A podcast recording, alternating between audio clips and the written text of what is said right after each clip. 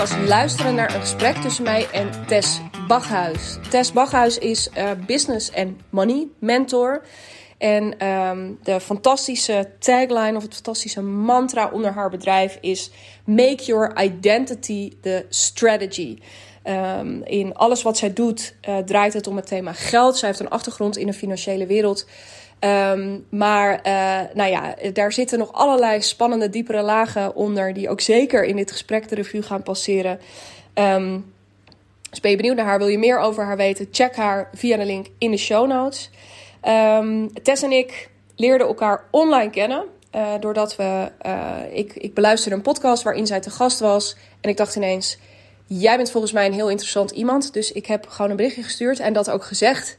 En toen zei ze: Hey, wat leuk. Ik heb ook jou een keer gehoord in diezelfde podcast. Um, laten we een keer zoomen. Nou, zo geschieden. Uh, Tess woont in IJsland. Uh, en uh, ook wel eens een aantal maanden in het jaar in Spanje. Um, dus we hebben elkaar tot voor kort, of tot voor kort hadden we elkaar nog nooit in het echt ontmoet. Uh, dat uh, gebeurde onlangs wel een aantal weken geleden. Zagen we elkaar in Eindhoven. En toen hadden we een mooi gesprek waarin iets werd gezegd. Een lange introductie, maar waar iets in werd gezegd waarvan we dachten: oké, maar wij kunnen letterlijk uren en uren en uren over ondernemen lullen. Maar uh, dit thema, dat is toch vet om een keertje verder uit te gaan diepen. En dat is het thema bereidheid. Uh, er viel op een gegeven moment een zin in dat gesprek dat ging over: ben je ook bereid om al die verschillende petten die je als ondernemer hebt, om die op te zetten? En um, nou, daar hebben we vervolgens die middag over zitten bomen nog. Maar um, dat gaan we in dit gesprek dus ook weer doen. Waarin we zowel ook persoonlijk een aantal van onze ervaringen delen. Um, we soms ook wat filosofischer worden. Misschien, dat vinden we allebei heel lekker om te doen.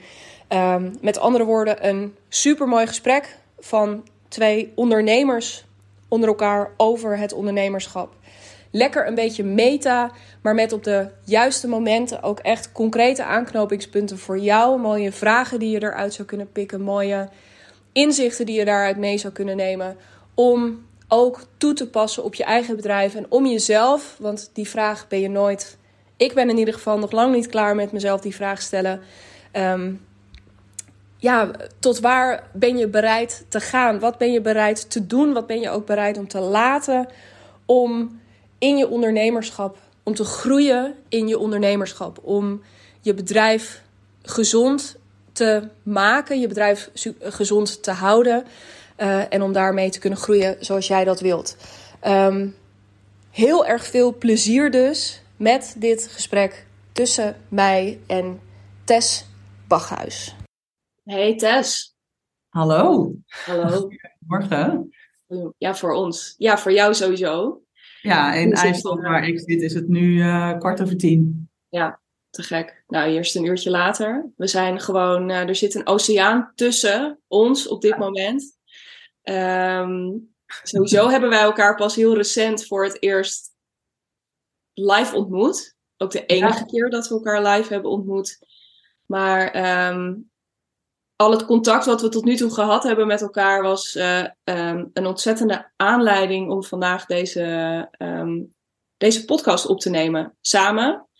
Um, hij verschijnt ook op jouw kanaal. Hij ja. verschijnt ook op mijn kanaal. leuk om vandaag die gesprekken. We zaten al een beetje te grappen in het voorgesprek. Dat we. Uh, ons voorgesprek duurde ongeveer vijf uur dat het niet onze ja. intentie is om ook in deze podcast vijf uur met elkaar te praten. Maar nou, laten we zeggen drie kwartier tot een uurtje um, over ondernemen. Want daar praat ja. ik over. Precies. Ja. ja, zeker. Leuk. Ja, waar gaan we het vandaag, uh, waar gaan we het vandaag over hebben? Ja, we gaan het vandaag hebben over bereidheid. Het woordje bereidheid. Hè? Daar is uh, een heel lang, zoals je zegt, een, we hebben daar vijf uur ongeveer over gesproken. Over bereidheid, wat um, in, in combinatie natuurlijk met het ondernemerschap en wat je bereid wel of niet bent om te doen. Um, om ergens te komen. Ja. En uh, ja, ik denk dat wij allebei ondernemers zijn waar uh, mensen ik zal dus even voor mezelf spreken. Ik heb wel eens mensen die dan denken dat alles helemaal geweldig is. En als ik dan iets kwetsbaars deel, dan heb ik wel eens de reactie: Oh, wauw, wat fijn om te zien dat het ook bij jou zo gaat, of dat ook jij wel eens uh, negatieve emoties of twijfels of uh, dat soort dingen uh, hebt. Ja. En ja, ik denk dat het thema bereidheid daar wel heel erg mooi bij aansluit, omdat um, ja, ik, ik, persoonlijk vind het ook wel heel belangrijk om ook andere kanten van het ondernemerschap te laten zien. Ja. Niet om ja, iets naar beneden te halen, maar wel om een, een breder beeld te geven. Om ook aan te geven voor andere mensen wat het dus betekent om een ondernemer te zijn in zijn totaliteit. En niet alleen maar voor de resultaten en de positionering en het mooie uiterlijke randje, zeg maar, ervan. Ja, want ik denk dat wij dat heel erg met elkaar delen. Ik denk dat we um, dat ook dat wat je aan de voorkant ziet, aan ook uh, wat er allemaal gebeurt. En ook zeker niet in ons nadeel. Ik denk dat we het voor allebei, um, als we hem helemaal afbellen, ook echt geldt dat we in de afgelopen jaren uh, een flinke groei hebben doorgemaakt op allerlei verschillende fronten. Daar gaan we het zeker vandaag nog over hebben. Um, dat wij allebei ook best wel een duidelijke positie daarin innemen of een hele duidelijke positionering voor, voor ons zelf gevonden hebben. Um, en dat een van de um, ja, versnellers die daarin voor ons allebei eh, gezeten hebben, dat het echt het omarmen van high-end ondernemen is. En um, dat vind ik nou juist zo interessant ook als haakje naar, hè, als we het hebben over bereidheid. En jij zegt net die wat minder shiny kant, zeg maar even, van het ondernemerschap. Ik denk dat high-end um, voor zover je je heel erg moet identificeren met die term. Ik heb daar ook nog altijd een beetje haat-liefde mee. Maar het heeft in ieder geval de reputatie van, oh, dat is allemaal maar heel erg luxe en glimmend en uh, uh, veel, veel goud wat er blinkt. Maar wat zit daar nou eigenlijk onder? Ik denk dat wij daar allebei best wel een interessante route in afgelegd hebben. Ja, ja, zeker. En ik denk ook met de minder shiny kant, dan bedoel ik dus niet per se het dat het negatief is, de andere kant, maar wel een soort van rauwe echtheid die er, die er gewoon ook is. Um, en dat, ja, ook wat jij zegt met het high-end model en überhaupt welk model je ook gebruikt.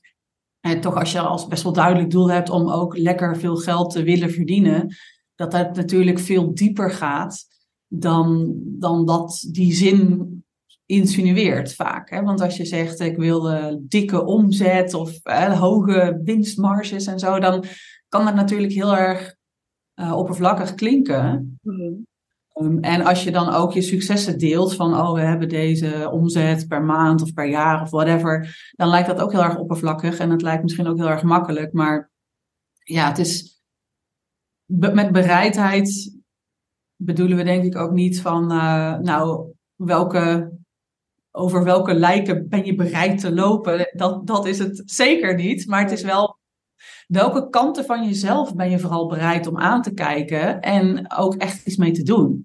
Het zit veel meer in het persoonlijke stuk naar jezelf dan bereid om met anderen per se iets te doen. Ja. Zo ja. Hoe is dat voor jou? Ja, super mooi. Ik zat daar net inderdaad ook over. Voor mij was het al bijna uh, gewoon heel logisch dat dat de definitie van bereidheid was. Maar ik ben wel blij dat je het nog even noemt. Want dat is zo makkelijk om inderdaad ineens in. Ben je bereid om over lijken te gaan of zo, inderdaad? Terwijl nee, dat is helemaal. Dat is het punt niet. Het gaat veel meer over. Ben je bereid om. Um, de dingen die het makkelijker voor je maken, uiteindelijk, om, om die ook uh, dat zijn vaak niet de dingen die per se heel erg makkelijk zijn. Ik noem maar even iets. Hè. We kunnen allemaal um, bedenken dat het makkelijker is om een ton te verdienen uh, door vijf keer iets van 20.000 euro te verkopen, dan om um, ehm, 50 keer iets van help 2000 euro. Ik ben niet zo heel goed in hoofd. Maar goed, die rekensom die kunnen we allemaal maken. Dat dat makkelijker. Dus gewoon dat dat technisch gezien simpeler is. Maar het is niet per se, ja, dat is ook allemaal weer relatief, maar het is niet per se simpeler. Want wat kom je tegen op het moment dat je voor zo'n ogenschijnlijk eenvoudiger model kiest? En dat vraagt iets van je sales skills. Dat vraagt iets van. Ja, nie, bedoel, niemand gaat al zomaar 20 euro aan je geven. Laat staan dat iemand zomaar. Dus het vraagt, eh, die 20.000 euro, dus je moet jezelf ook op een bepaalde manier gaan laten zien.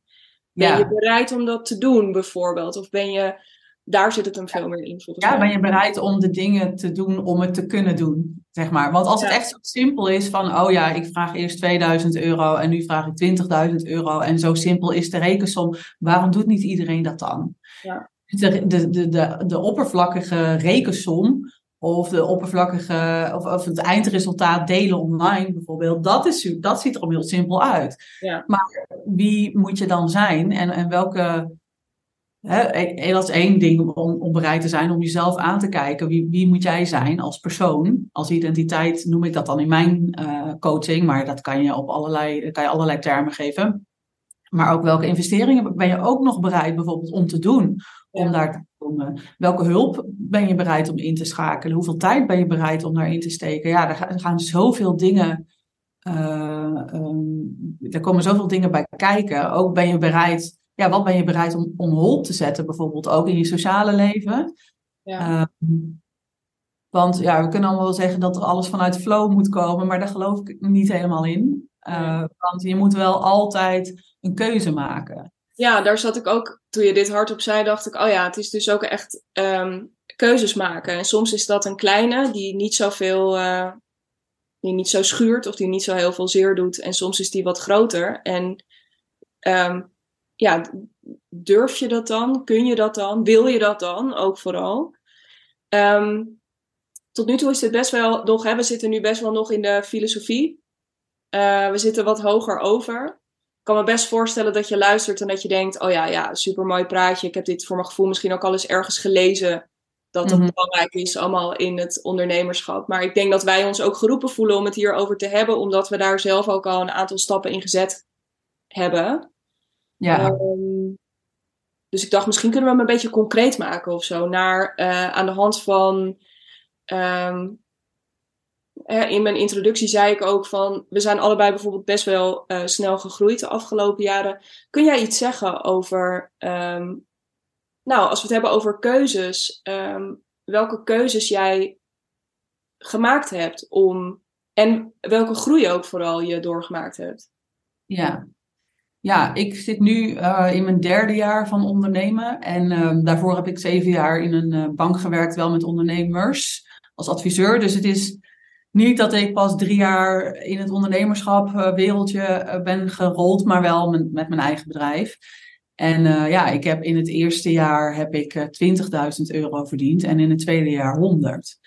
Dus daar, wil ik, daar kan ik dan ook wel eens een keer gewoon heel transparant over zijn. En dan kan je je afvragen, oké, dat is dus een omzetgroei maal vijf. En um, voor mij, ja, dat was sowieso mijn doel. Dus dat doel is behaald. Maar je, je kan ook gaan kijken, oké, waar staat dat dan eigenlijk voor? Want waarom 100 of waarom een half miljoen als doel, als omzetdoel stellen? Uh, maar ik vind het heel erg interessant om te doen. Gewoon enerzijds, eigenlijk gewoon heel erg uit nieuwsgierigheid. Van, oh, zou het, me, zou het mij ook kunnen lukken? Weet je wel? Want je ziet dat natuurlijk allemaal op Instagram. En dan kan je denk ik twee dingen doen. Ofwel denken dat het alleen maar voor anderen is weggelegd. Ofwel denken, nou, ik ga eens kijken of het mij ook kan lukken. Of uh, ja. ook, ook, lukt. En um, dat begon bij mij echt... Uh, op een gegeven moment was ik het echt zat. Dat, dat soort van kleine ondernemen. En um, dat was eind 2021. En uh, toen heb ik gewoon een ja, het begon met een keuze dus ook. Van nou, ik uh, wil dit anders. En wat ik toen heb gedaan is um, mijn prijzen maal vijf uh, zo ongeveer gedaan. En mijn hele ja, sales, dus mijn prijs verhoogd. Mijn sales veel meer aangescherpt structuur in aangebracht. Ik denk dat ik daarvoor gewoon uh, echt maar wat deed. Ja. En, en toen dacht ik, oké, okay, misschien kan ik beter op een andere manier sales doen. En dat werkte toen uh, eigenlijk meteen. In het eerste gesprek verkocht ik gelijk dat uh, nieuwe, nieuw geprijsde aanbod. En dan heb ik natuurlijk ook mijn aanbod wel ook aangepast op die hogere prijs. Maar dat zijn dus alle concrete dingen die ik heb gedaan. Maar, maar wat dat van mij vroeg, was natuurlijk ten eerste geloven dat, dat, dat er mensen zijn die die hogere bedragen met plezier uh, investeren. Zonder daar aan te moeten sleuren en te trekken. En dus dat, dat is al een geloof in de markt. Maar daar, daar nog onder is dan een geloof in mezelf. En dat heb ik echt heel erg moeten aanboren. Dat, dat je dus ook voelt um, dat je dat mag vragen en er ook nog meer mag ontvangen. Dat is het vooral. Ik vind een vriendin helemaal in het begin van mijn uh, ondernemerscarrière die zei, maar kan je ook ontvangen? Want je, we kunnen volgens mij allemaal heel veel geven, maar het gaat ook over, kan je ontvangen zonder dan in een kramp te schieten om gelijk nog veel meer te gaan geven? Ja. En, uh, Was dat iets wat je gewoon kon?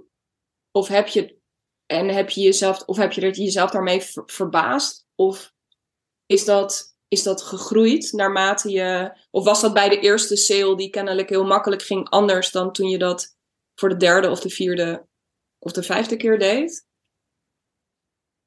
Um, ik denk dat ik uh, in het begin een soort van naïeve, maar in de positieve zin, het naïef, uh, een soort van, uh, nou, let's just do this. En dan gaan we ervoor. Net zoals dat je ook ooit opstart als ondernemer. Dan denk je ook best wel naïef, nou, let's do this. Maar dat heb je ook nodig. Want na naïviteit, dat labelen we vaak als negatief. Maar het is eigenlijk een positieve eigenschap, want zonder die naïviteit ga je veel te snel denken in wat er allemaal niet werkt en wat er allemaal uh, realistisch zogenaamd uh, allemaal op je allemaal beren op je weg op de weg kunnen komen. Dat wat ook natuurlijk waar is op, in zekere zin, maar in het begin heb je die ja, die, die soort van blinde drive, let's do this, gewoon nodig om dat momentum op te bouwen. Ja. Dus een maand later had ik dan weer, weer een nieuwe klant en toen dacht ik, holy shit, dit is gewoon nu dus letterlijk uh, bijna de helft van mijn hele omzet die ik in het jaar daarvoor had uh, gedraaid.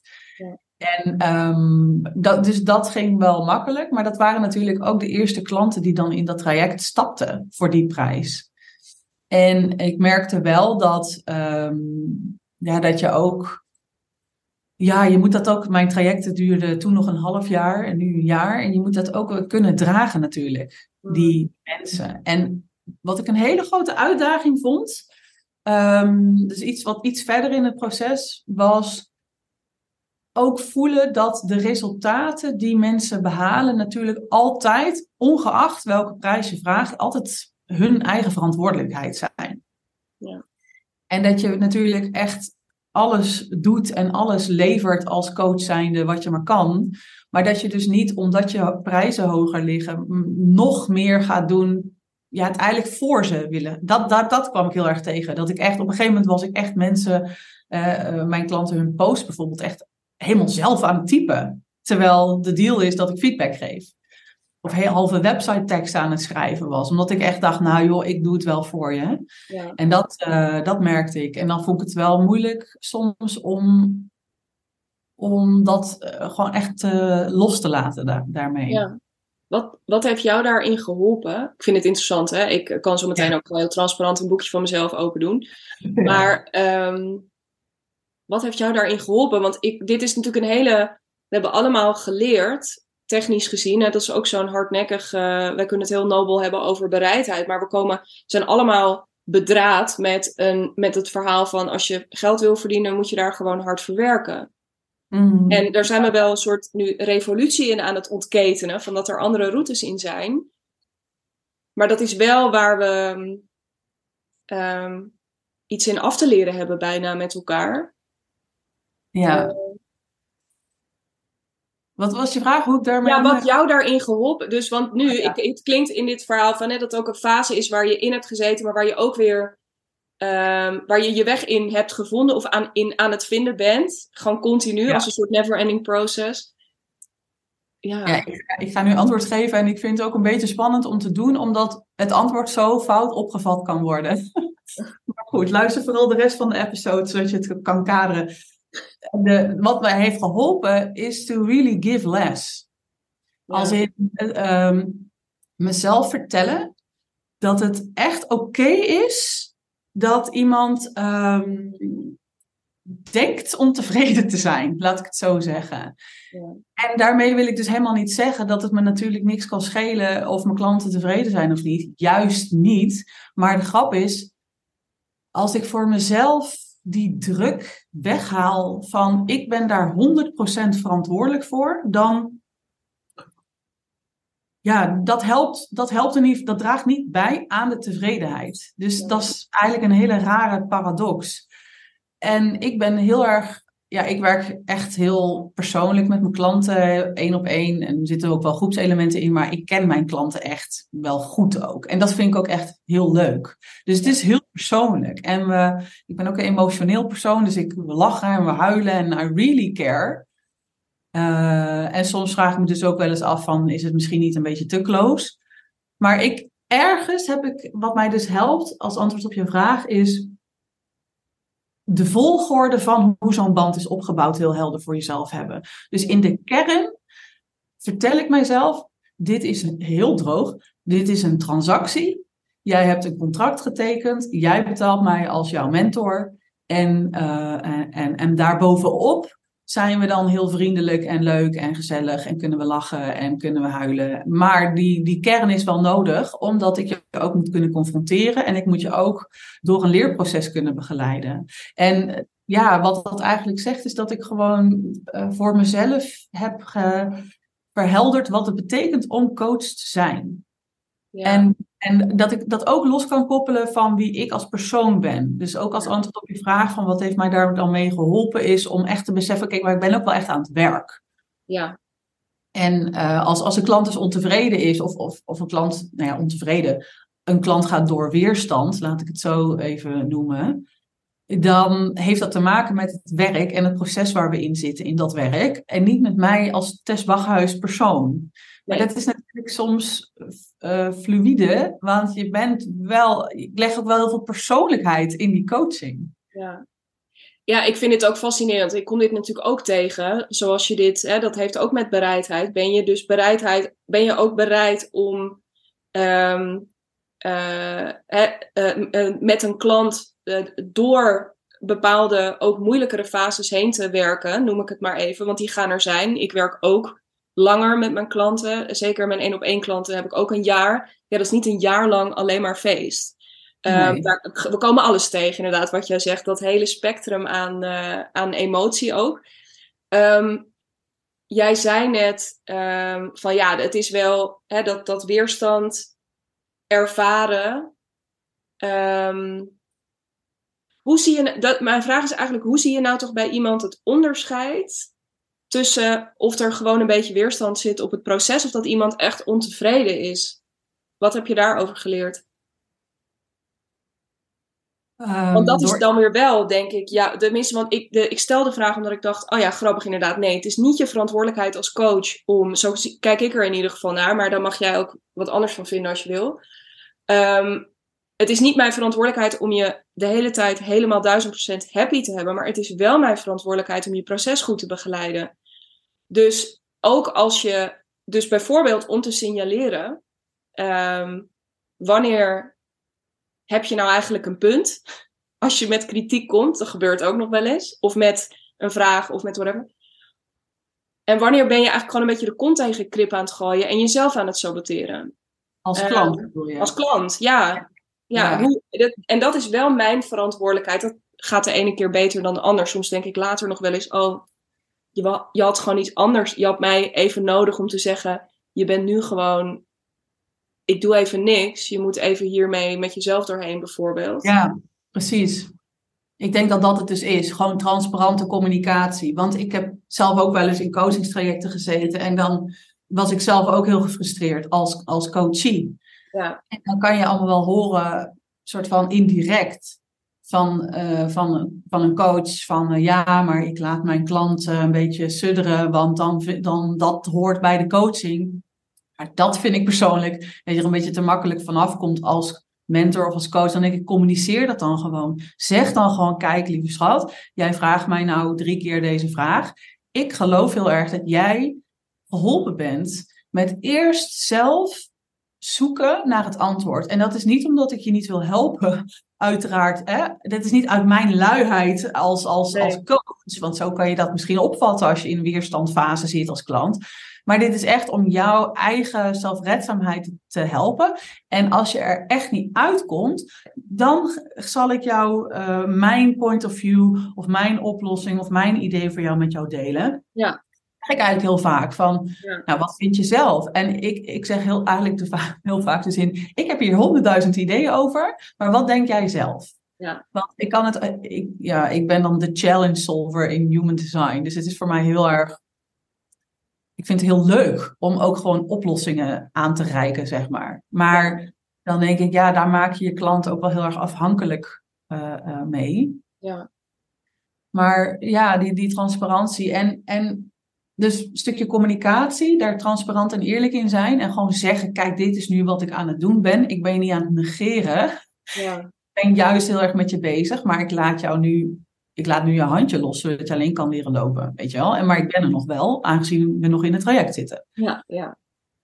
En nog een ander ding is om ook echt oprecht, en dat is dan ook weer die bereidheid van uh, naar jezelf te kijken. Want het is nogal makkelijk om te denken, ja, die klant zit in een leerproces. En daar heb ik dan zelf als coach sta ik daar een soort van boven of buiten of whatever. Maar soms, ja, denk ik wel eens, ja, inderdaad, ik had eigenlijk wel daar iets te helderder in kunnen zijn. Ja. En daar jezelf dan weer niet op veroordelen, weet je, Ja. als coach. Want je bent uiteindelijk ook gewoon een mens die, die ook beter wordt steeds in, in Ja. het werk natuurlijk. Maar ehm, ja, ik kan nog, nog een transparant voorbeeld noemen. Ik vind gewoon, ja, fijn denk ik dat voor de luisteraar om, om dit ook eens te horen. Van, ik had een keer een klant en die, die was echt eh, helemaal niet blij. En die wilde toen stoppen. En dat was de eerste eh, keer dat dat gebeurde. Of de enige keer ook, gelukkig. Maar ja, toen heb ik echt bij toen ben ik echt bij mezelf te raden gegaan van oké, zie ik dit nu echt? Heb ik nu echt een blinde vlek hierin? En dan heb ik toen ook aan mijn omgeving gevraagd. Ehm, en ehm, nou ja, niet dat zij per se het antwoord weten, want zij zitten natuurlijk niet in de dynamiek met mij en die klant, maar ik wilde heel toegevelijk zijn in dat gesprek met die klant, maar ik voelde gewoon echt aan alles dat, dat, het, echt, dat het echt weerstand was. Ja. Niet eh, dat ik haar tekort deed, Nee. in zin. Ja. En ja, ik voelde ook dat ik zelf nog helemaal echt heel gemotiveerd was om die klant daar doorheen te helpen. Maar als iemand anders, als, als iemand dat echt niet wil, dan, ja, dan stopt het natuurlijk. Ja.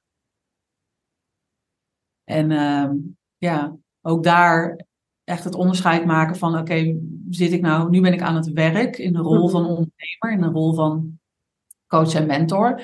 En ik, toen werd ik ook echt gechallenged om eh, niet mijn eigen emoties en mijn eigen triggers als privépersoon in, die, in, dat, in dat gesprek met die klant te, terug te laten komen.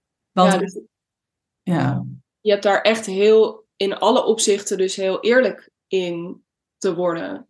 Ja, naar die ook van, hè, dus eh, oprecht eerlijk in van oké, ik ga mezelf nu inderdaad los van allerlei antennes die misschien ook afgaan, maar ik ga mezelf echt openstellen en ik ga echt horen wat jij te zeggen hebt. Eh, en ik ga dat, ehm, eh, ik, ik ga, maar ik ga ook er oprecht uitvissen wat, wat dienend is en ook dus misschien Ehm, nou, echt jezelf, want ik kan me zo voorstellen, ik herinner me ook de eerste keer dat dat gebeurde. Ehm, dat is niet alsof ik, ik zat daar niet als eh, eh, de verlichtheid zelf eh, ineens helemaal zen zo'n gesprek te voeren. Nee, het was actief ook onderdrukken van hele primaire reacties die er ook waren. Want ik vond het fucking kut. ja, En ik werd ja, er heel onzeker van. En ehm, eh, ik, weet je, al, je, je hele, alles is kut, kut. Weet je, nee, ja, zie je wel. Alles wat je ooit gedacht hebt aan kritische stemmen in je hoofd, dat alles gaat af. ja. Maar inderdaad, de bereidheid om dat woord er nog maar eens bij te trekken, die ik op dat moment echt op te brengen had, omdat ik wel voelde van ja, maar als het mijn verantwoordelijkheid is om jouw proces te begeleiden, dan moet ik nu dit allemaal parkeren in plaats van, nou ja, die aap die eigenlijk ook aan het razen was, gewoon intern, die eigenlijk wou zeggen, ja, what the fuck, ik heb al Ja. zoveel voor je gedaan. Weet je wat allemaal ook, dit is, het was er allemaal. Ja, Ja, ja, wat jij zegt, van ik heb al zoveel voor je gedaan. Ik dacht ook, jij bent die persoon die dan die niet blij was. Voor haar had ik zelfs nog het meeste effort gedaan. In, in haar had ik nog de meeste tijd gestoken. Had Ja. ik nog het meeste uit handen genomen vergeleken met allemaal andere klanten. ja, Maar dat is dan, dan ben je persoonlijk op je tenen getrapt. Ja. En ehm, ja, dus inderdaad, ben je bereid, ja, in die situatie was het, eh, ben je bereid om je eigen persoonlijke emoties uh, niet door te laten sijpelen in het gesprek of in de communicatie met, met die klant. Maar ook ben je, voor mij was het ook heel erg, ben, ben ik bereid om wel op mijn strepen te blijven staan, ook van wat we contractueel ook gewoon hebben afgesproken. Dat was namelijk echt wel waar ik op gechallenged werd. Ja. En hoe langer, ik heb daar echt, uh, ja, echt wel de tijd ook voor genomen. En ook de deur heel erg open gehouden. Van we kunnen natuurlijk kunnen hierover hebben in een gesprek. Um, maar ik voelde op een gegeven moment van als ik nu niet in die rol op elk vlak, dus emotioneel vlak en ook gewoon uh, businessafspraken vlak, in die rol van uh, mentor en coach uh, blijf staan, dan ondermijn ik echt, echt alles eigenlijk. Dan ja. ondermijn ik mezelf in de rol van ondernemer. Dan ondermijn ik onze, onze, onze hele traject samen. Maar dan dacht ik ook, dan ondermijn ik eigenlijk, eigenlijk dus ook mijn klant. Ja. Ja. Wat zeg ik dan? Van, nou ja, oké, je bent ontevreden, doei, nou, veel plezier. Dan denk ik, nee hoor, wij, ik, ik commit me ook voor een jaar aan jou, hè. Dus no matter how hard it gets, ik ben er. Ja. als, als ik een afspraak maak, dan al al be there. Ja. Ja. ja, interessant hè. Dus daar zit heel erg, dat is, nou ja, binnen dat ondernemerschap dus ook echt de uh, continu ook doen wat nodig is. En um, daarin continu dus ook echt die leiding, gewoon continu de leiding nemen ook over. En heel, whatever happens, dat jij degene bent die hoe hard, ik zie zo'n soort um, bokszak of zo voor me, maar dan niet zo'n ding wat meebeweegt. Maar gewoon, nou misschien ook wel zo'n ding wat meebeweegt. Van oké, kom maar, ik incasseer wel op sommige momenten, maar ik ga ook niet, het is niet, ik ga niet van mijn plek blijf ook wel gewoon hier. En als het nodig is, dan mag je bij me uitrazen. Je mag boos worden. Je mag alles voelen wat er te voelen. Je mag ook van alles vinden. Uh, tot op zekere. Maar ik heb wel gewoon. Maar dit is ook wat het is. Um, dus ja. continu die leiding nemen. Precies, en daarbinnen dan alsnog flexibel kunnen zijn. Dus dat is heel erg van wanneer noem je het rigide en wanneer noem je het standvastig bijvoorbeeld, ja. weet je wel. Ja. Uh, en wanneer noem je het flexibel en wanneer noem je het, ik laat het over me heen lopen. Ja, ja. dat is wel... Maar ook weer wordt je bereidheid, wat jij zegt, van je, je moet denk ik als coach en, en gewoon als ondernemer, ook al ben je geen coach, ook bereid zijn om te incasseren. Dat vind ik wel mooi. Hè? Ja, want ik denk dat daar nog wel eens er, um, dus en misschien dat dat ook gewoon gaat dus over um, emotionele intelligentie, dat je op een gegeven moment ook um, leert om een klein beetje, um, om, of nou niet een klein beetje, maar om binnen de kaders van je werk, en wat, of dat nou gaat over een samenwerking met iemand in je team of met een klant, of wanneer dan ook, er altijd net even boven te hangen. Uh, en ook te zien soms, want ik heb ook, ja, weet ik niet, samenwerkingen beëindigd bijvoorbeeld met mensen in mijn team waarvan ik dacht, ja, dat is gewoon wat mijn bedrijf op dit moment nodig heeft. Ik vind jou aardig, ik vind jou leuk, ik ga je missen ook soms, weet je. Ik heb nog nooit echt, ga ik misschien allemaal nog meemaken, let's get it.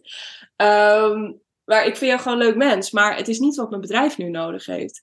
Dus het is, en als je niet, als je dat niet lukt, dan wordt het wel allemaal heel erg vervelend ook, denk ik. Ja, ja, is dat een soort, want ik weet van, wij hebben daar natuurlijk ook, wij hebben het daar vaak over, dat, dat perspectief pakken, dus gewoon boven dingen kunnen hangen, snel kunnen schakelen ook. Is dat, ik zie dat wel als een essentieel onderdeel van kunnen ondernemen. Ik herinner me dat we toen wij dat vijf uur durende gesprek hadden, dat jij ook die, uh, dat is dan niet echt een helikoptervergelijking, maar op zich wel een andere interessante vergelijking, die, die van dat kantoorgebouw met die lift erin met die verschillende afdelingen die je uh, bedrijf kent. Um, nou, dat is eigenlijk wel een, in dat kader. Jij zit dan misschien ergens bovenin als, uh, ja, als, als uh, hoe je diegene ook wil noemen, CEO van, van dat gebouw. Dus jij hebt continu ehm, ook de verantwoordelijkheid te nemen om daar boven te hangen en om continu te kijken wat nodig is. Um, ja, dat is een essentiële eigenschap. En dat is ook, dit is ook een, een spannende om hardop te zeggen, maar laten we het gewoon doen. Um, ik denk niet dat die rol voor iedereen is weggelegd. Net, zo, en ook heel, net zoals dat die in het bedrijfsleven en in loondienst niet voor iedereen is weggelegd. Niet iedereen stroomt door naar de functie van CEO. Heel veel mensen niet omdat ze het niet willen. Maar ik denk ook dat er. Het, het vraagt nogal wat van je. Ja, ja, precies. Het vraagt heel veel van je. En ik denk inderdaad dat heel veel mensen niet doorstromen naar die rol van CEO omdat ze het niet willen. Maar ook zijn er denk ik heel veel mensen die, hele goede ondernemers zelfs, die niet, besef, die niet eens weten wat dat eigenlijk inhoudt. Dus eigenlijk uit een soort van onwetendheid niet doorstromen naar, uh, naar die rol van CEO, ehm, van, aan die top van die toren, zeg maar. Dus, um, en ik denk dat, ja, ik zie nu een soort van drie groepen. Dus je hebt mensen die echt gewoon bij voorbaat niet geschikt zijn voor het ondernemerschap. Dan heb je een, dat is denk ik de grootste. Dan heb je een hele grote, gigantisch grote groep van mensen die het potentieel hebben om een goede ondernemer in de CEO-sens ervan um, uh, te zijn. En dan heb je ook, en dat is dan weer een kleine groep, mensen die dat dan ook echt doen. Ja. En dat zie ik heel erg even ter vergelijking um, gewoon met sporten. Dus je hebt mensen die gewoon, ja, die hebben nou ja, zelfs dan kan het, maar laat ik even zeggen, de, de, de sport, uh, hardlopen. Uh, nou, daar heb je normaal gezien benen voor nodig. Even die uitzondering daar gelaten dat er natuurlijk met de Paralympics hele vette dingen gebeuren. Maar als jij geen benen hebt, dan wordt het wel gewoon echt moeilijk. Dus dat is die groep van, oké, nou nee, jij bent gewoon echt niet geschikt voor het ondernemerschap. Dan heb je gewoon heel veel mensen die echt, dat als ze dus zouden trainen, dat best wel kunnen doen. Maar die, die trainen dus niet. Ja. Dus ik heb wel potentieel, maar je, maar je haalt het er, je stopt het werk er zeg maar niet in. Nee. En zo zie ik het ondernemerschap ook. En in het begin, dan uh, start je je bedrijf op en dan denk je, oké, leuk. En dan heb je dus die blinde naïviteit van, nou, let's do this. En ik zie het allemaal voor me en ik ben enthousiast en zo. En dan heb je dus een eenmanszaak, ja. uh, normaal gezien, als je begint. En dan is het heel erg nog, dit ben ik en, en ik doe iets. En dat is dan mijn bedrijf. Maar als je verder gaat groeien, je bent dan eigenlijk dus niet een CEO, dan ben je gewoon een kleine ondernemer. Ja. Um, wat superleuk is en zo. Maar dat is eigenlijk dus nog steeds niet echt wat ondernemerschap inhoudt. Ja. En inderdaad, dan maak ik die vergelijking met die toren van een, een, een groot corporate bedrijf met die verschillende uh, afdelingen. Ja. als je dan niet bereid bent in de groei van jouw eenmanszaak, hè, die loopt lekker, je bent aan het groeien. En als je dan niet bereid bent om, om, om die switch te maken in je hoofd en in je hele ervaringsgevoelswereld van hey, het gaat niet alleen maar over mij. Het is niet ik die hier een leuke eenmanszaak aan het runnen is. Nu moet ik. Ben je bereid om je bedrijf uh, voor jou te gaan laten werken en het te geven wat het nodig heeft. En ben je bereid je, je kindje eigenlijk, wat je Engelszaak was, uh, los te laten. Net zoals dat je als ouder ook bereid moet zijn om op een gegeven moment moet je je kind gewoon laten. Uh, ja, is goed. Ga maar lekker uit met je vrienden, weet je wel. En ik vertrouw erop dat je straks thuis komt. Ja, en dan uh, toch stiekem wakker liggen s'nachts, omdat je er. ja. Maar, ja. nee, maar het is wel grappig, want ik denk dat daarin uh, in deze vergelijking, ik kan me voorstellen dat je luistert nu en misschien denkt, ja, maar Jezus, ik wil helemaal niet die CEO in, in zo'n toren met zometeen een heel groot bedrijf zijn. Ik wil mijn bedrijf laten groeien. Ik weet niet, het hangt er even van af hoe je luistert, maar ik dacht, laten we deze nog even verhelderen. Ik wil mijn bedrijf wel laten groeien, maar ik wil nog steeds, ik wil grootse dingen doen. Ik denk ook dat een van de redenen waarom ik dat high-end model interessant vind, en jij denk ik ook, is dat het je uh, op uh, wat kleinere schaal je er dus niet zo'n toren van hoeft te maken, letterlijk. Niet zo'n ergens langs de A10 uh, op de Zuidas, weet je, zo'n ding. Daar hoef je er niet per se van te maken. Um, maar ook als je de behoefte hebt om serieus op te schalen in je eentje of met een klein team, dan komen wel dat soort keuzes. Dus het denken als zo'n toren aan de Zuidas wordt wel belangrijk. Ja, dat is supergoed dat jij dat verheldert, ook voor de luisteraar. Hoi. ik bedoel dus ook niet dat je dan een Deloitte of een, eh, weet ik veel, eh, Procter Gamble of zo moet worden. Um, uh, of een PricewaterhouseCoopers of whatever. Je, je moet niet een corporation, zeg maar, in die zin worden met die glazen toren. Maar het is wat jij zegt. Het is, het is, je kan op jouw eigen manier, hoe groot je het ook wil maken of niet, ondernemen. Maar het is die mindset. Het is die mind, het besef dat je bedrijf die verschillende afdelingen heeft. Ja. Daar hoef je niet eens duizend werknemers of, of zelfs tien. Daar kan je perfect twee of nul werknemers voor hebben. Nou, ik denk uiteindelijk moet je toch wel een beetje hulp inschakelen. Ja. Maar ja, het gaat niet over dat je, dat je de next beste um, marktgenoteerde bedrijf uh, wordt. Nee. Maar wel dat je dus ook als eenmanszaak of als kleine vennootschap naar je bedrijf kan kijken als iets wat, wat wil groeien en dat jij dat niet tegenhoudt. Daar komt het eigenlijk op neer. Ben je, ben je bedrijf eigenlijk aan het klein houden omdat jij niet weet als persoon of niet wil kijken naar de voeding die jouw bedrijf op verschillende aspecten nodig heeft. Nou ja, dat is wel dat is een interessante. Ik werk natuurlijk veel met freelancers en met interimmers. Hè. Dat ze, die kunnen gewoon heel lang uh, de een wat langer dan de ander, maar dat heeft meer met hoe leuk vind je het nog heel lang. Maar daar kom ik zo meteen wel even op. Dat zijn echt mensen die succesvol in staat zijn om gewoon goed geld te verdienen met iets waar ze heel goed in zijn. Dus ze verhuren basically inderdaad in die. Uh, ze verhuren zichzelf als expert aan organisatie X, ondernemer Y. Um, en, en verdienen daar op uurbasis vaak soms al in een wat andere constructie, maar vaak op uurbasis hun geld mee. En dan is er, er is een hele groep, merk ik heel vaak, die dat helemaal te gek vindt. Die dat helemaal prima vindt. Die echt merken, nou ja, weet je, in loondienst had ik x verdiend. En nu, nu ik voor mezelf werk, kan ik ook twee of drie ton op jaarbasis aan omzet draaien. Everybody happy. Maar er is een hele groep die daar gewoon niet voor, voor zichzelf was begonnen. Bij wie dat ondernemershart, laten we zo meteen ook nog eventjes erop inzoomen van eh, wie zit er dan allemaal? Wat, wat houdt dat ondernemerschap dan precies in? Maar die wel degelijk willen groeien. En die merken, ja, weet je, ik zit tegen allerlei plafonds aan te tikken. Ik, ik word niet meer uitgedaagd.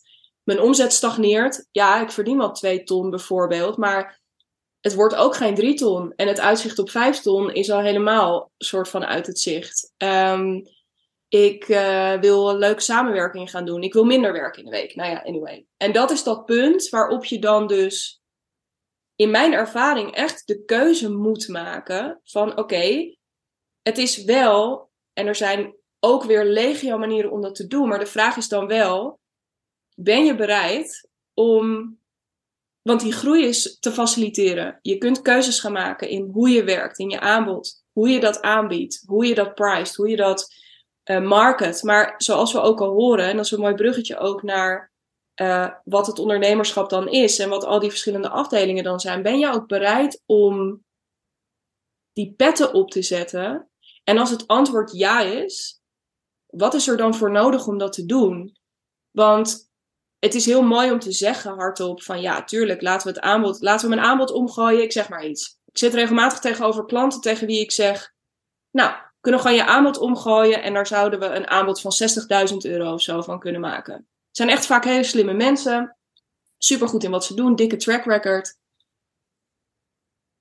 En dan is niet zozeer de vraag, kunnen we dat verdienmodel vormgeven of kunnen we die prijs erop plakken? Maar de vraag is wel, gaat diegene vervolgens ook tegenover iemand anders zitten ja. en zeggen: Hoi, ik ben die en die, ik ben fucking goed, ik ga jouw probleem oplossen en dat kost dit.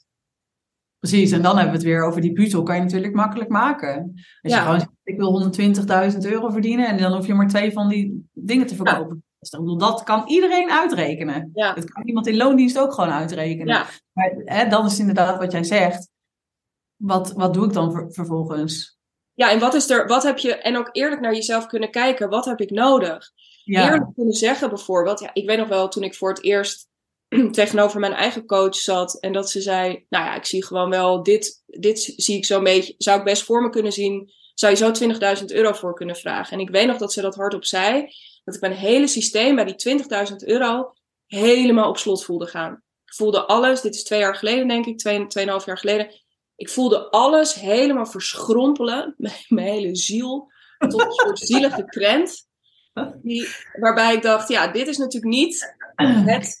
En toen zei ze, oké, nou dat merkte zij ook meteen, oké, wat gebeurt er bijvoorbeeld bij 15.000 euro? Nou, toen kwamen we volgens mij uiteindelijk bij 10.000 euro uit. En toen dacht ik, oké, hier kan ik een beetje ademhalen. Kennelijk heb ik het nodig. Ik zie die potentie ook voor die 20, maar kennelijk heb ik het nu nodig om niet meteen die 20k te gaan vragen, maar om nu ja. hier te gaan, ja, wat nog steeds natuurlijk fantastisch is, op, op dit level te starten en om hier creatief mee te worden. Ja. Maar dan wel, want ik, en dat dan ook daadwerkelijk te gaan aanbieden, om daar op marketing op te gaan doen, om daar, nou ja, dat hele verhaal. Ja, precies. En dan is het weer die stuk, dat zijn dan dus die petten. Dus je kan wel een keuze maken van, nou, nu ga ik mijn prijs keer vijf doen en zo. Um, of nu ga ik dit aanbod aanbieden of omgooien en dan bied ik het voor een hogere prijs aan. Maar oké, dat, dat is eigenlijk nog maar de keuze. En welke stappen horen er dan bij die keuze? En, en wat vraagt het dan van jou? Um, Welke wil... stappen? Oh ja, nee, sorry. Ja, ik, ben... ja, ik, wil, ik wil nog even toevoegen wat jij net zei, want dat vind ik wel mooi en dat willen we allebei, geloof ik, heel erg uitlichten. Het is niet goed of slecht of zo. Als je niet die behoefte voelt om uh, je bedrijf als die CEO, ik noem het even een onderneming en een, en, en, en, en een eenmanszaak, even voor het gemak. En het is, oké, als, jij, als jij niet de behoefte voelt om, uh, om, om nog veel groter te groeien. Of om het allemaal groter uh, neer te zetten. Als in bijvoorbeeld bereik of, of, of in, echt grotere impact. Uh, of in omzetdoelen. Dat hoeft dus helemaal niet. Hè? Dus als jij.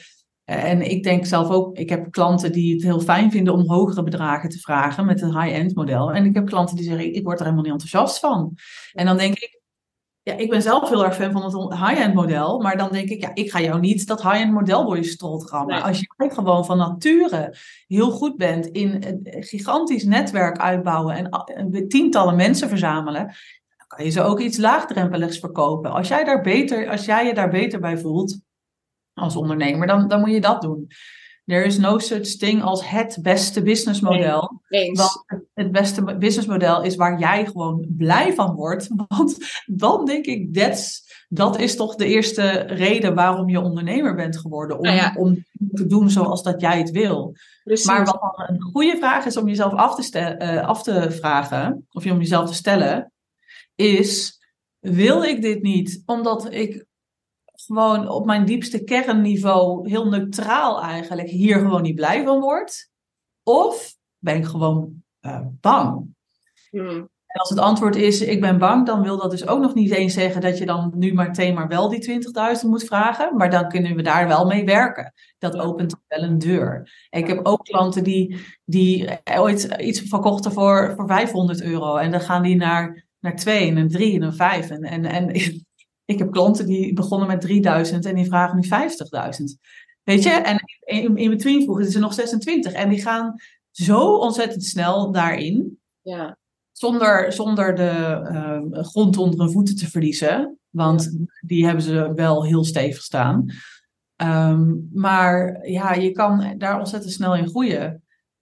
Maar je moet jezelf afvragen, dat is een goede vraag voor degene die nu luistert, voor iedereen die nu luistert, is wil ik gewoon een hele vette, heel gaaf bedrijf hebben, wat iets is wat ik gewoon ontzettend leuk vind om te doen. Ik vind het ook hartstikke leuk. Ik wil dat eigenlijk alleen maar zelf heel de tijd uitvoeren, vooral.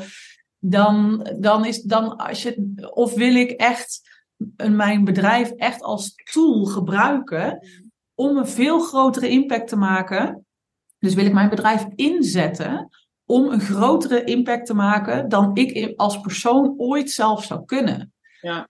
En uh, dat is een goede vraag, want als jij de tweede kiest, dan moet je wel bereid zijn om dus als die CEO die toren binnen te lopen en te kijken naar, oké, welke afdelingen zijn hier allemaal? Welke, welke, welke organen en welke uh, bloedvaten zitten hier allemaal in, dat, in die entiteit, die ik dus wel ook uh, die moet afknellen? Nee. Als persoon van, als, als bedrijfsleider zijnde. Omdat ik daar niet, geen weet van heb, of ik durf daar niet naar te kijken, of ik wil daar niet naar kijken. Kijk, dan zak je de life force wel uit je bedrijf als entiteit. Maar als jij gewoon zegt, ik wil gewoon lekker ondernemen.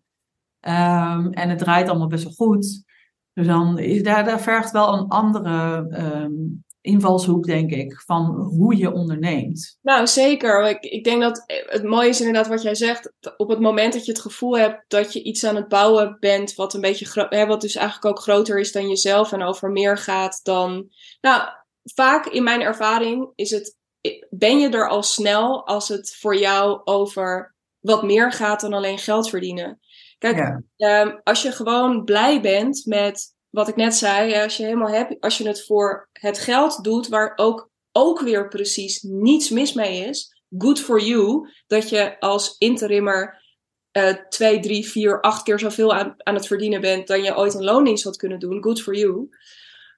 Maar mijn ervaring is, is dat wat een ondernemer een ondernemer maakt, ehm, is dat je als vakidioot, wat je ook vaak een beetje bent, iets hebt gesignaleerd in je branche of in je vak waarvan je op een gegeven moment denkt, ja, maar dit is eigenlijk raar.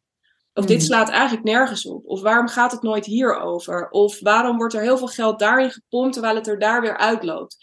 Je hebt, je hebt iets gesignaleerd waarvan jij, dat is in ieder geval wat ik zie bij de mensen die bij mij aankloppen. Die ervaring heb jij volgens mij ook. Ik heb eh, onlangs een eh, podcast met ehm, Jette van Duin live gezet, die ook heel erg ging over ehm, ja, echt je unieke visie, zeg maar, omzetten in een, eh, in een eigen methode en op basis daarvan een eigen aanbod. Het zijn vaak mensen die zien dat het anders kan en ook echt wel vinden dat het anders moet eigenlijk.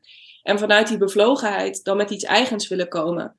Ehm, en dan kun je daar dat natuurlijk weer onderscheiden in of dat uiteindelijk een tastbaar product is. Maar ik denk, wij werken allebei veel met dienstverleners. Maar ik denk dat Ja. daar ook nog wel een belangrijk onderscheid zit. En als je die drive hebt om ook echt een bepaalde mate van innovatie, verandering, impact. ehm, ja, als je daarop zit, dan heb, je, dan heb je het dus groter te maken dan jijzelf. Want wat ga je in je eentje. Net zoals, weet je, ik vind, ik voel bijvoorbeeld die bevlogenheid. En daarna ga ik deze preek beëindigen. Maar ik voel bij mezelf echt die bevlogenheid van, ik wil. Het maakt mij niet uit of jij uurtje factuurtje werkt. Echt niet. Maar ik wil dat voor al die ondernemers die nu uurtje factuurtje werken. En die eigenlijk denken, ja, fuck, dit was toch niet de bedoeling van toen ik mijn baan opzegde. Ik wil een lans voor ze breken. En ik zet me er op, op, gewoon op dagdagelijkse eh, eh, niveau op in, voor in. Om continu het perspectief te openen van nee, maar dat hoeft ook niet. Als je dit niet Ja. meer wil, dan kan het ook anders. En dat is waar voor mij dat die norm zo is. Laat die norm lekker zo zijn. Daar wil ik gewoon wel aan rammelen. Maar ik wil er vooral zijn eh, om dat te laten zien. En vanuit die drive weet ik dus, oké, maar om die boodschap op meer plekken te laten landen, bijvoorbeeld, heb ik dus mijn marketing, heb ik dus als CEO af en toe uit te stappen op de marketingafdeling met de lift. Ja, precies. Ja. En heb ik, maar heb ik ook af en toe in mijn toren te zitten om erover na te denken over, ja, ja wat, wat moet ik hier nou weer precies mee? Of ik heb, ik moet met mijn financieel strateeg gaan zitten om te kijken van, nou, kan ik, weet ik niet, als ik een boek wil schrijven, een keer een maand of twee maanden vrij nemen ergens in dit geheel om keuzes maken. Ja, ja, dus ik weet niet meer waar dit relaas begon, maar het ging erover wat een. oh, ja, jij begon met dat er niks mis hè, dat het ook niet. Het Ah, hoeft ook allemaal niet. Het is allemaal niet de heilige graal. Maar als je het wel wil, ja. wat is er dan nodig? Ja, want wat ik me nog afvroeg net, misschien dat jij er nog wel op wilde reageren, maar ik ben wel heel erg. Want ik zei net, toen ik het had over, ja, voor mij gaat ondernemerschap dus ook echt hierover. Iets signaleren en, het, en iets anders willen brengen, een soort nieuwe oplossing komen brengen.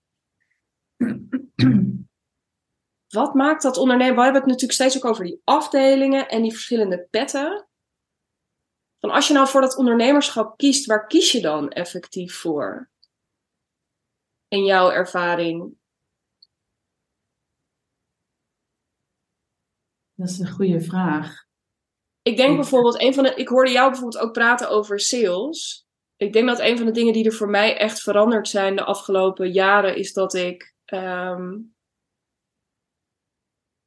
had ik ook wel iets, ik, had, ik moest me daar echt overheen zetten. Ik had niet echt een hele, ik had niet per se super veel zin in heel veel sales. Wel commercieel, maar ik vond sales altijd, nou, dat vond ik nooit super leuk om te, voelde altijd een beetje zwaar en een beetje als gedoe en uh, als een beetje spannend.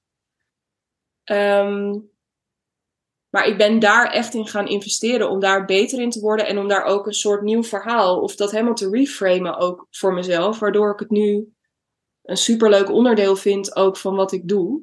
Ja. Um, dus ik denk dat een ondernemer ook echt wel iemand is die zijn sales serieus, dat is het misschien meer. Misschien is het nog steeds je hobby niet, je kunt het ook uitbesteden namelijk. Um, maar dat je het wel serieus gaat nemen. Ik denk dat daar die pet een hele belangrijke pet is. Als je vraagt, als je kiest voor het ondernemerschap, waar kies je dan voor? Dan denk ik, dan kan ik twee antwoorden geven. Uh, en ze komen, horen ook bij elkaar, die antwoorden. Het is niet of-of. Enerzijds, meer de kwalitatieve uh, antwoord, is dat je kiest om iets letterlijk, iets, iets concreets via jou in de wereld te zetten. Dat je dus kan, ik noem dat dan altijd, een, of altijd, ik, ik noem dat sinds kort, noem ik dat de megafoon. Dus je kan je bedrijf, is echt een tool hè. Je bedrijf kan je inzetten als tool. En als je dus dat goed doet, dan je hebt, ik word daar helemaal enthousiast van. Dan denk ik, je hebt echt goud in handen. Gewoon door het hebben van een bedrijf. Dus je, je, het, is een, het voelt voor mij heel erg als mensen dat niet beseffen. Dat je een raceauto voor je huis hebt staan, maar er alleen maar door de stad mee rijdt. Ja. Dan denk ik, je hebt zoveel power in handen. Als je nou eens een keer zou opschakelen of die auto zou gebruiken waarvoor die gemaakt is, die, die, ja. uh, die, die, onderneming, dan kan jij, ja, en met jouzelf dus aan het stuur, dan kan je echt gewoon de vetste dingen doen. En dan kan je dus die impact maken. Dus je bedrijf maakt impact natuurlijk op het leven van je klanten. Want daar, je helpt ze met iets wat jou dan als, als bestuurder van dat bedrijf aan het hart ligt. Maar datzelfde bedrijf uh, zorgt er ook nog voor dat jij je leven kan leiden zoals dat jij het wil. Ja. Dus het zorgt voor jou enerzijds en het zorgt voor je klanten anderzijds. En het is iets wat eerst niet bestond en nu bestaat het wel. Dat vind ik echt magisch. Ja. Dus dat is meer het, het filosofische en het kwalitatieve uh, antwoord. Van waar kies je voor als je voor het ondernemerschap kiest? Nou, dan kies je voor de vehicle, de tool van onderneming hebben. Maar waar je dus ook voor kiest, is een entiteit die ook zijn eigen wetten heeft. Want het is niet jij. Het is een rechtspersoon. Ik noem het toch even de vennootschap gewoon. En heel droog draait die rechtspersoon op geld. En dan is het inderdaad wat jij zegt, sales. Sales is hè, met die toren, met die verschillende afdelingen, marketing, sales, human resources, uh, sources, product development, al die dingen. Het enige waar er geld binnenkomt is sales. Al de rest is uh, geld eruit als je erin investeert. En anders komt het op zijn minst niet binnen. Dus marketing, dat is natuurlijk bedoeld om mensen aan te trekken. Maar waar, het, waar de marketing wordt omgezet in effectief geld, is sales. Dus als ja, al die afdelingen moeten natuurlijk samenwerken. Want sales kan je, als je geen aanbod hebt, dan heb je niks om te verkopen. Als je geen marketing hebt, dan komen de mensen niet binnen in de sales. Maar sales is ja, op een aparte manier inderdaad een soort van weggemoffeld. Sales en finances. Dat zijn zo de twee afdelingen waar mensen denken, ugh, nee, dat wil ik niet. En als je kiest voor een onderneming, dan kies je dus wel ook daarvoor. En dan moet je wel goed beseffen. Want als je alleen maar een impact wil maken, alleen maar het kwalitatieve wil doen, dan denk ik, waarom maak je het jezelf dan zo moeilijk om, die, om, om, om, om die auto voor je deur te zetten? Dan kan je toch ook gewoon op de fiets springen? Dan ben je veel sneller waarschijnlijk nog in een drukke stad. Dus het, again, het is niet beter of slechter.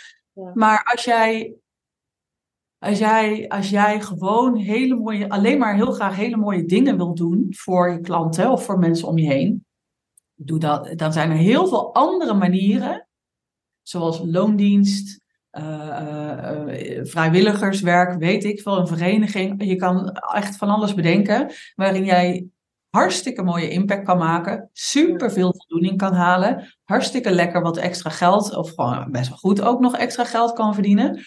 Maar dan hoef je niet al die verschillende afdelingen, daar ben je dan niet verantwoordelijk voor. Nee.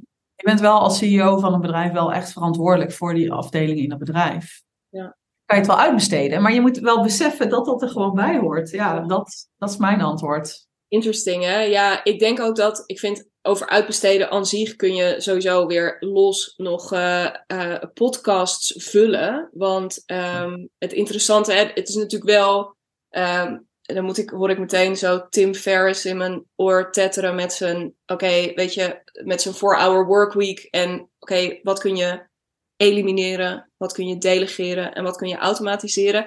En dat is wel waar, maar um, ook voor al die dingen geldt. Jij bent degene die, ook als je gaat delegeren, uh, uitbesteden dus. Ja, iemand gaat naar jou zitten kijken van, joh, wat vind jij belangrijk in je bedrijf? Stel dat je je klantenservice gaat uitbesteden, dan zul je degene die jouw klantenservice gaat doen, moeten vertellen, dit is wat ik belangrijk vind in de communicatie met mijn klanten.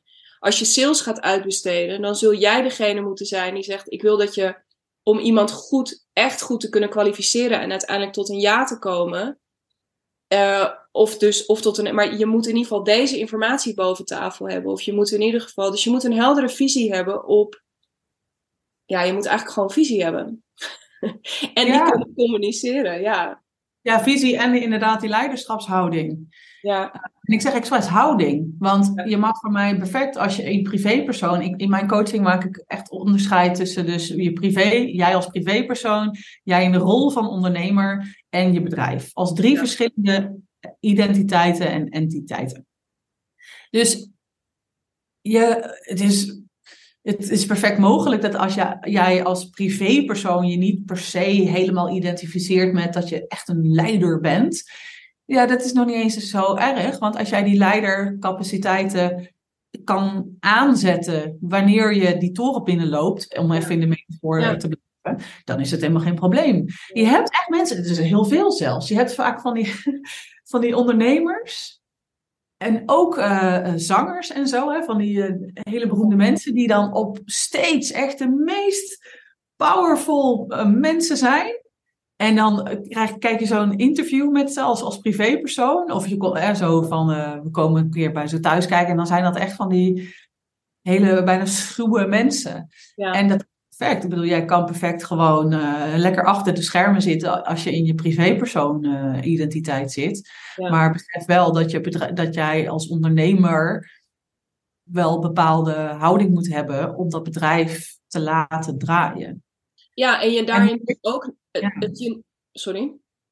En hoe beter je dat doet, hoe sneller dat bedrijf ook voor jou gaat draaien. En dan kan jij steeds meer daar ook meer relaxed, zeg maar, um, laid back, zeg maar, iets meer in zijn.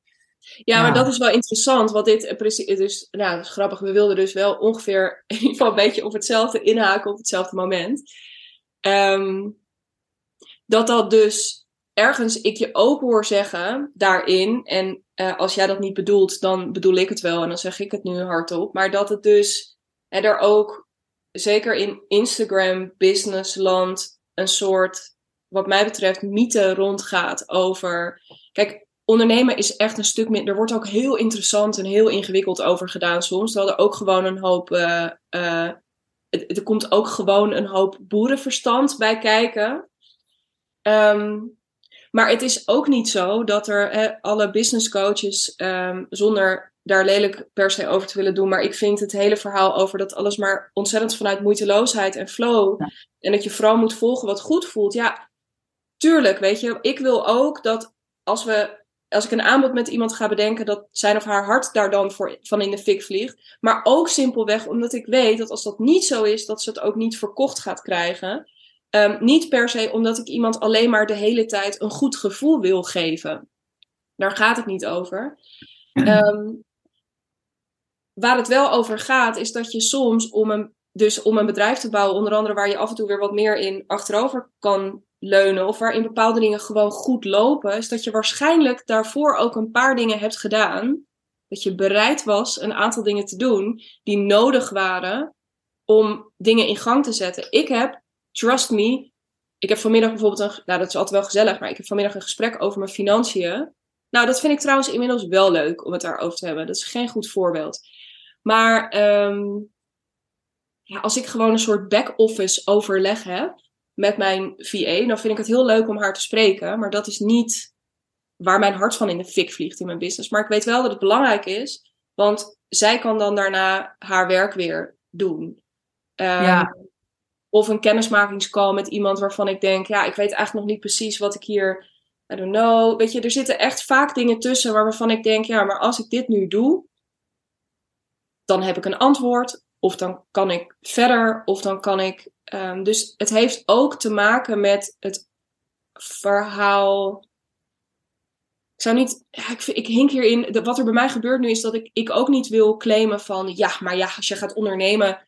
Dan moet je maar gewoon accepteren. dat je een heleboel dingen moet doen die je heel stom vindt.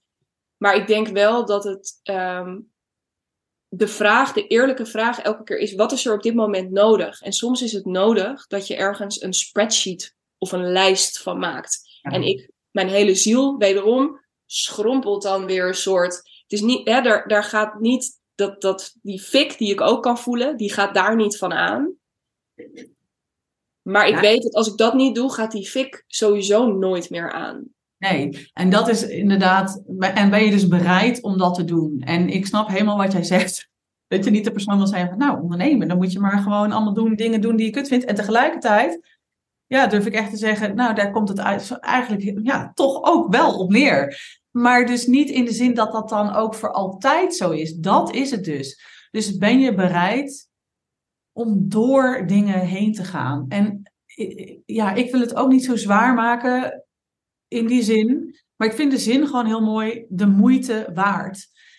Letterlijk. Het is letterlijk moeite waard. En dan, Ja. het ding is dus zo, ik wil mensen. ehm, ik denk dat het interessant is van wat is de definitie van je goed voelen? Hmm. Want je kan, als jij iets wil, en ik ga even terug weer naar de sport, omdat het daar gewoon zo eh, heel helder is. Jij wil eh, heel graag eh, een marathon runnen, rennen. En daarvoor moet je trainen. En dat doet letterlijk zeer. Dat doet gewoon letterlijk pijn. Je hebt spierpijn. Maar je, als jij helemaal aangaat van dat vuurtje van ik ga straks die marathon ronnen- r- eh, rennen. En ik zie het al helemaal voor me en ik word helemaal enthousiast ervan. En denk, fuck ja, dat ga ik doen, vet. En ik ben nieuwsgierig, ga ik het halen? Ja, weet je, gewoon dat je ook dat speelse erin brengt. Van nou, we zullen eens even kijken of me dat gaat lukken. Maar ik ga er in ieder geval alles aan doen zodat het me gaat lukken. Nou, dan heb je die spierpijn. En dan zit je dus met die pijn op de bank. En dan denk je, nice. Ik heb echt goed getraind vandaag. En dat is het meer. Dus Ja. het is niet dat het... Het is een struggle, maar die struggle is dus niet per se... Dat is niet dat we zeggen, oh, het is allemaal verschrikkelijk om ondernemer te zijn. Het is juist meer van, oh my god, ja. Ik ben dus, ik ben zo fucking trots op mezelf dat ik dit doe. En dat geeft je dan een leuk gevoel. Dus het is een soort van medaille met twee kanten. En dat heeft dan weer te maken met hoe je dus daarnaar kijkt. Zoals Ja. jij zegt, soms moet je daar gewoon een spreadsheet voor maken. Soms moet je gewoon wel ook even uitstappen in die toren op de afdeling financiën of in de afdeling sales. En het mooie is dat je als ondernemer, er is eigenlijk no such thing als dingen doen die je niet leuk vindt. Want je kan aan alles jouw eigen manier eh, geven. Ja. Dus als jij het niet leuk vindt, ja, in loondienst moet je ze misschien gewoon doen zoals de baas heeft gezegd dat je ze moet doen. Maar als jij sales nu niet leuk vindt, dan moet je niet je rug draaien naar de hele salesafdeling in jouw bedrijf. Maar moet je gaan kijken, nou, op deze manier vind ik het niet leuk. Nee. Maar kan ik iets bedenken met mijn eigen creatieve ondernemershoofd of met hulp, dat kan ook, Ja. waardoor ik sales hartstikke leuk ga vinden. Ja. Dus dat is wederom, ben je bereid om de dingen die je moeilijk en niet leuk vindt, ten eerste aan te kijken Hmm. en ten tweede te accepteren dat jij dit leuk kan maken voor jezelf. Ja. Het is natuurlijk veel makkelijker om te zeggen, ja, ik vind het niet leuk, dus ik ga het niet doen. Ja, dat is het. Ja. Nou ja, en ik denk dat daar, eh, ja, dit is heel interessant wat je zegt inderdaad. Daarin, maar daar dan dus ook weer de keuze in kunnen maken. Van, hè, ik heb dat, marketing is daar een heel goed voorbeeld van. Volgens mij, sales is daar trouwens ook, maar marketing is daar zo'n, ik zie dat ook vaak. Een van de dingen die ik het meeste hoor is, ja, maar eh, ik ben gewoon niet zo iemand die eh, heel erg zo gaat verkondigen hoe goed hij is in wat hij doet. Of ik ben. En daarmee is dan eigenlijk ook altijd de kous af. Of het gedachte-experiment. Dus eigenlijk altijd klaar. Terwijl dan wordt het voor mij altijd pas interessant. Omdat ik dan denk, nee, maar voor mij... Ja, wat ik dan altijd heel interessant vind. Want door zoiets hardop te zeggen... maak je jezelf heel belangrijk. Terwijl dat ben je helemaal niet in je marketing. Zelfs niet als personal brand. Het gaat er helemaal niet om of jij wel of niet bescheiden, of wel of niet introvert, of wel of het gaat erom dat je je boodschap gaat delen. Maar dat is voor voor een andere podcast. Ehm, maar ga, kun je op zoek gaan naar een manier die inderdaad die wel bij je past. En als jij zegt, ja, maar ik wil dat het over de inhoud gaat. Nou, oké, let's talk inhoud dan. En laten we kijken hoe we die op een interessante manier inzichtelijk kunnen maken. En wat betekent inhoud überhaupt voor jou? En uh, als je niet op Instagram wil, wat ik snap, of niet op LinkedIn, nou prima. Uh, we hebben altijd nog Twitter, we hebben YouTube, we hebben nieuwsbrieven, we hebben netwerkbijeenkomsten. Uh, kies er maar één.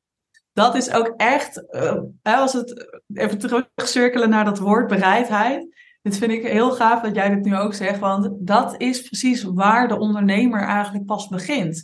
Ik zeg altijd, de ondernemer begint bij waar de normale mens, de privépersoon, ophoudt met denken. Want dat is ook wat voor mij wat ondernemerschap ook is. Van dat je dus gaat denken, nou, dit werkt allemaal niet. Of dit vind ik allemaal niet leuk. Of op deze manier in ieder geval niet. En dan is het, daar begint het dus pas. Ik had ook, eh, om, misschien voor de luisteraar nog een leuk concreet voorbeeld. Wat jij ook zegt over, die, uh, over de, de, de, kanalen. Van ik wil niet op Instagram. Nou, oké, maar ja, alsof je daar dan, oké, stel je voor, jij, jij als coach of wij allebei in ons gesprek van, ja, ik wil niet op Instagram. Ja, oké. Oké. Is het toch stilte? Ja, en nu dan? dan? Dan denk ik, dat is dus wat een ondernemer oké, dit, wat nu? En nou wat? Gewoon. Wat dan wel ook vooral. Ja, wat dan wel, ja, precies. Dus ik had ook een klant die zei, uh, en dat snap ik ook heel goed, van uh, ik vind het moeilijk om uh, online, gewoon in de chat, mensen te benaderen van ja, heel kort door de bocht zullen we eens een keer koffietje drinken of zo, weet je wel. Want zij denkt dan, ja, daar komen die mensen allemaal, kom ik helemaal out of the blue. En dan lijkt het net alsof ik een hidden agenda heb, want ik wil die uiteindelijk in een sales call krijgen en mijn klant maken. En toen zei ze, wat ik wel, uh, want ik, wat ik goed, waar ik goed in ben, is in real life netwerk events met mensen gaan praten en, dan, um, en ze dan uitnodigen. Ik zei, oké, maar als je dat mechanisme, wat doe jij dan precies op die netwerkevents? Want dan, het feit is hetzelfde. Eerst ken je iemand niet en daarna heb je ze in een gesprek. Dus en toen zei ze, ja, want dan zit daar een, een gesprekje tussen aanla en aanknoping. Zeg ja. oké, maar dan, dan zit de weerstand dus niet op online. Dan zit de weerstand op dat je geen aanknopingspunt hebt. Ja. Dus dan hoef je niet te gaan zoeken naar of het nou online of offline is. Dan moet je gaan zoeken, kan ik ook online een aanknopingspunt vinden? En dat kan, want je kan perfect oprecht reageren op iemands podcast bijvoorbeeld. Of op iemands post. En dan ga je daar toch ja, dan trek je dat toch open van, ik ken iemand, ik ken iemand helemaal niet, tot, uh, hey, wil je bij mij online in Zoom een koffietje drinken of in mijn marktonderzoek of in een sales call of whatever. Ja. Dus ja, ben je bereid om, om te beseffen en te omarmen dat ja, eigenlijk jij de enige blokkerende factor bent in elke droom die je wil bereiken of elke stap die je wil nemen. Ja. ja, want dat is ook, die hoor ik best wel vaak. Ja, um, en dit is ook waar ik bij mezelf altijd weer om moet lachen als ik het eenmaal zie. Tenminste, als ik het hoor van anderen, moeten ze er niet in eerste instantie om lachen. Ik moet er bij mezelf altijd om lachen. Dat er dan maar, ja, ik zit mezelf gewoon enorm in de weg. Weet je, er is niks aan de hand. Ik zit alleen maar mezelf in de weg. Dan denk ik altijd, ja, we zitten onszelf de hele tijd allemaal in de weg. Ik heb niet voor niets en een business coach en therapie. En nou is het niet dat ik zeg dat iedereen die een succesvol ondernemer moet zijn, uh, dus maar uh, shitloads aan geld moet gaan uitgeven aan uh, um, hele dure, fancy coaching. Dat is helemaal niet wat ik hier per se mee wil zeggen. Maar ik denk ook weer dat je. Wat heeft je bedrijf nodig? Je bedrijf heeft wel degelijk iemand nodig die um, niet elke keer geblokkeerd wordt op al die stukken. Op het moment dat er knopen doorgehakt moeten worden. Of dat er een moeilijk gesprek gevoerd moet worden. Of dat er iets gevierd moet worden en eens een keer op een podium gezet moet worden. Je hebt wel degelijk ook de verantwoordelijkheid te nemen om, um, nou ja, dus ook jezelf te geven als um, drijvende kracht achter. Ja. Uh, om jezelf te geven ja, wat je nodig hebt om je ding te kunnen doen, om het maar gewoon eventjes als ondernemer. Ja, en ik denk ook wat je zelf daarin ook mag geven, is het, dat je dus niet altijd in die rol van ondernemer hoeft te stappen. Want ik kan me voorstellen als je dit hoort, dat je denkt, oh god, moet ik dan, ja, vergt dat dan dat allemaal van mij? Ja. En dan denk ik, ja, nee, maar je moet een onderscheid, of je mag in ieder geval een onderscheid maken. Ik hou heel erg van dingen verhelderen. Dus daarom ook dat drieluik van privépersoon, jij als ondernemer, je bedrijf.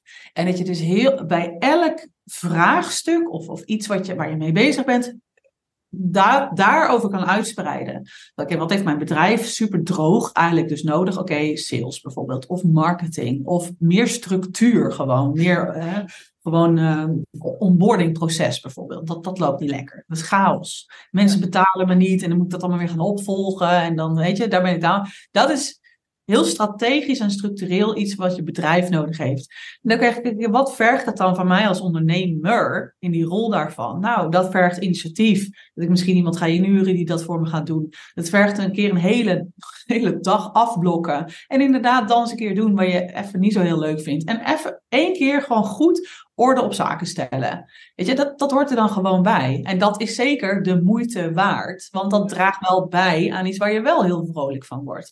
Ja.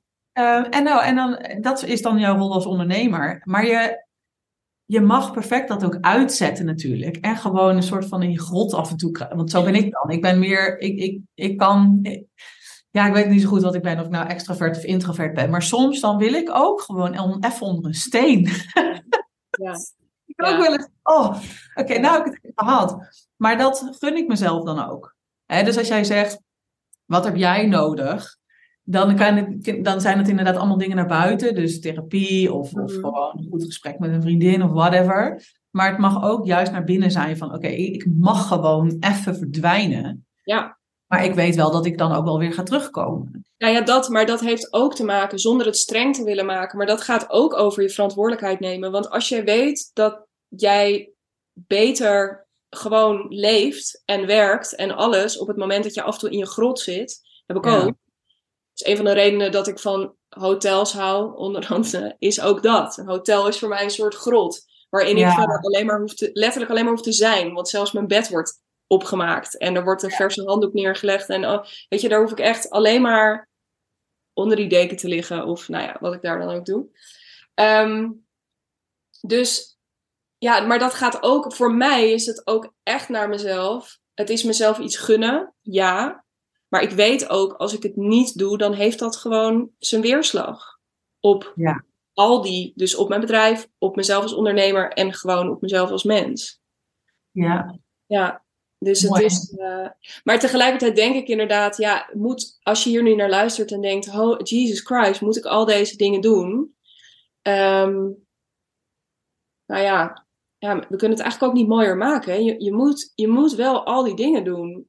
Maar... Ja, je moet al die dingen doen, dat klinkt misschien dan als het niet uh, leuk. Of ja, daar weet ik, vullen we nou ook in. Misschien denkt iemand, oh, vet, dit helpt me enorm en het, het geeft heel veel verheldering.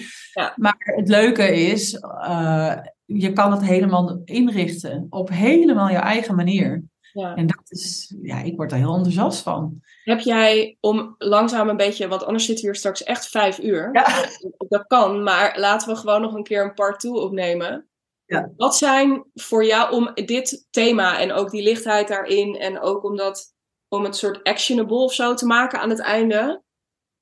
Wat zijn dingen waar jij echt je eigen manier in hebt gevonden binnen je bedrijf, um, waardoor je dus van afdeling naar afdeling kan hoppen en, en dat doet?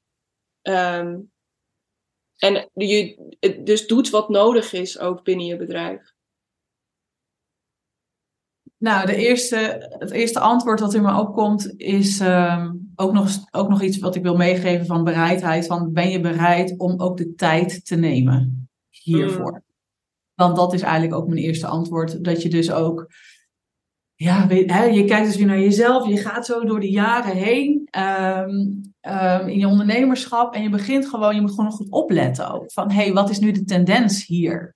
Want het eerste jaar, het zijn echt fases. Dus je bent, het eerst gewoon aan het sukkelen. En in die naïviteit, ja, die helpt je dan door die sukkelfase heen. En uh, dat, dat helpt je dan. Uh, voor mij was mijn tweede jaar heel erg sales en, en gewoon die, die cashflow flink boosten. En, en die persoonlijke groei die daar ook bij uh, komt kijken. En nu gaat het inderdaad heel erg over van, oh ja, oké, dat is dus, het is iets concreets nu geworden, dat bedrijf. En wat mij daar heel erg in helpt, is die, die onderverdeling maken. Dus echt te zien, hey, en dus is ook nog een, een, stukje bereidheid van, ben je bereid om jezelf uh, in zekere zin ook een beetje minder belangrijk te maken in dit hele verhaal? Ja. Want het wordt dus groter dan jijzelf en ook de impact die je maakt wordt ook groter dan jijzelf. En um, nou, controle loslaten, dat, dat vind ik een hele leuke, nee, leuke, ik vind het een uitdaging om ook ja, te zoeken naar juiste mensen voor op die afdelingen. Te zoeken naar wat ik een fijn proces vind.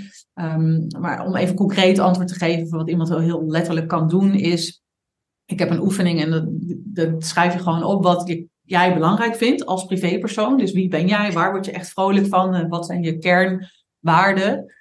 En um, welke eigenschappen die ik heb als privépersoon helpen me het meest in de rol van ondernemer. Dus kan ik die zeg maar opblazen in een gezonde manier natuurlijk wel al in de rol van ondernemer.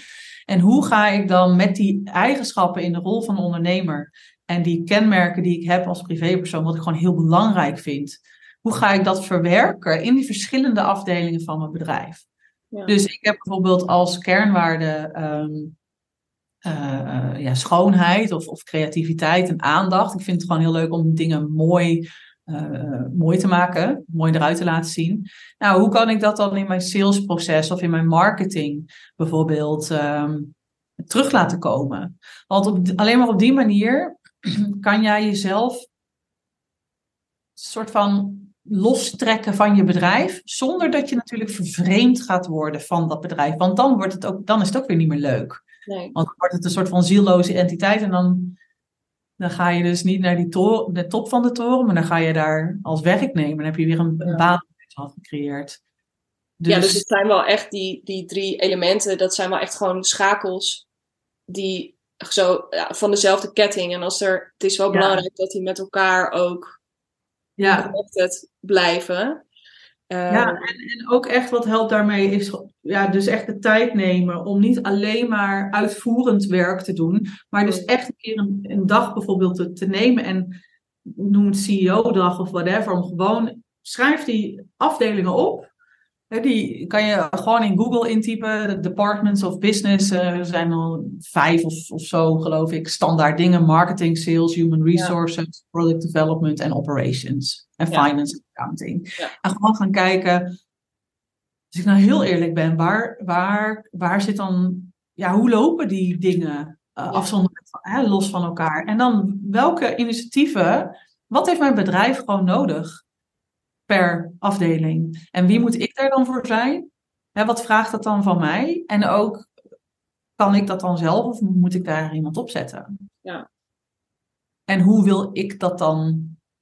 Hoe wil ik als CEO van mijn bedrijf dat mijn marketingafdeling? Ik zeg altijd tegen mijn klanten: je gaat naar beneden naar de lift. En dan zitten daar tien mensen op die afdeling naar jou te kijken. En dan moet jij zeggen: Nou jongens, uh, de marketing eh, gaan we zo en zo en zo doen. En, en deze kernwaarden moeten daar vanaf spatten. En nu als luisteraar denk je misschien, ja, maar ik heb helemaal niet tien medewerkers. Maar dat maakt dus niet uit, want je zegt het dus dan eigenlijk tegen jezelf. Ja, ja. Dus zodra jij die pet, als we het weer even als zo'n rijtje petten, zodra jij dus die, die marketing pet zo, die ook voor je ligt, oppakt en opzet. Ja. Dat je dan dat verhaal, die visie helemaal gewoon ook letterlijk Precies. opzet, opzuigt.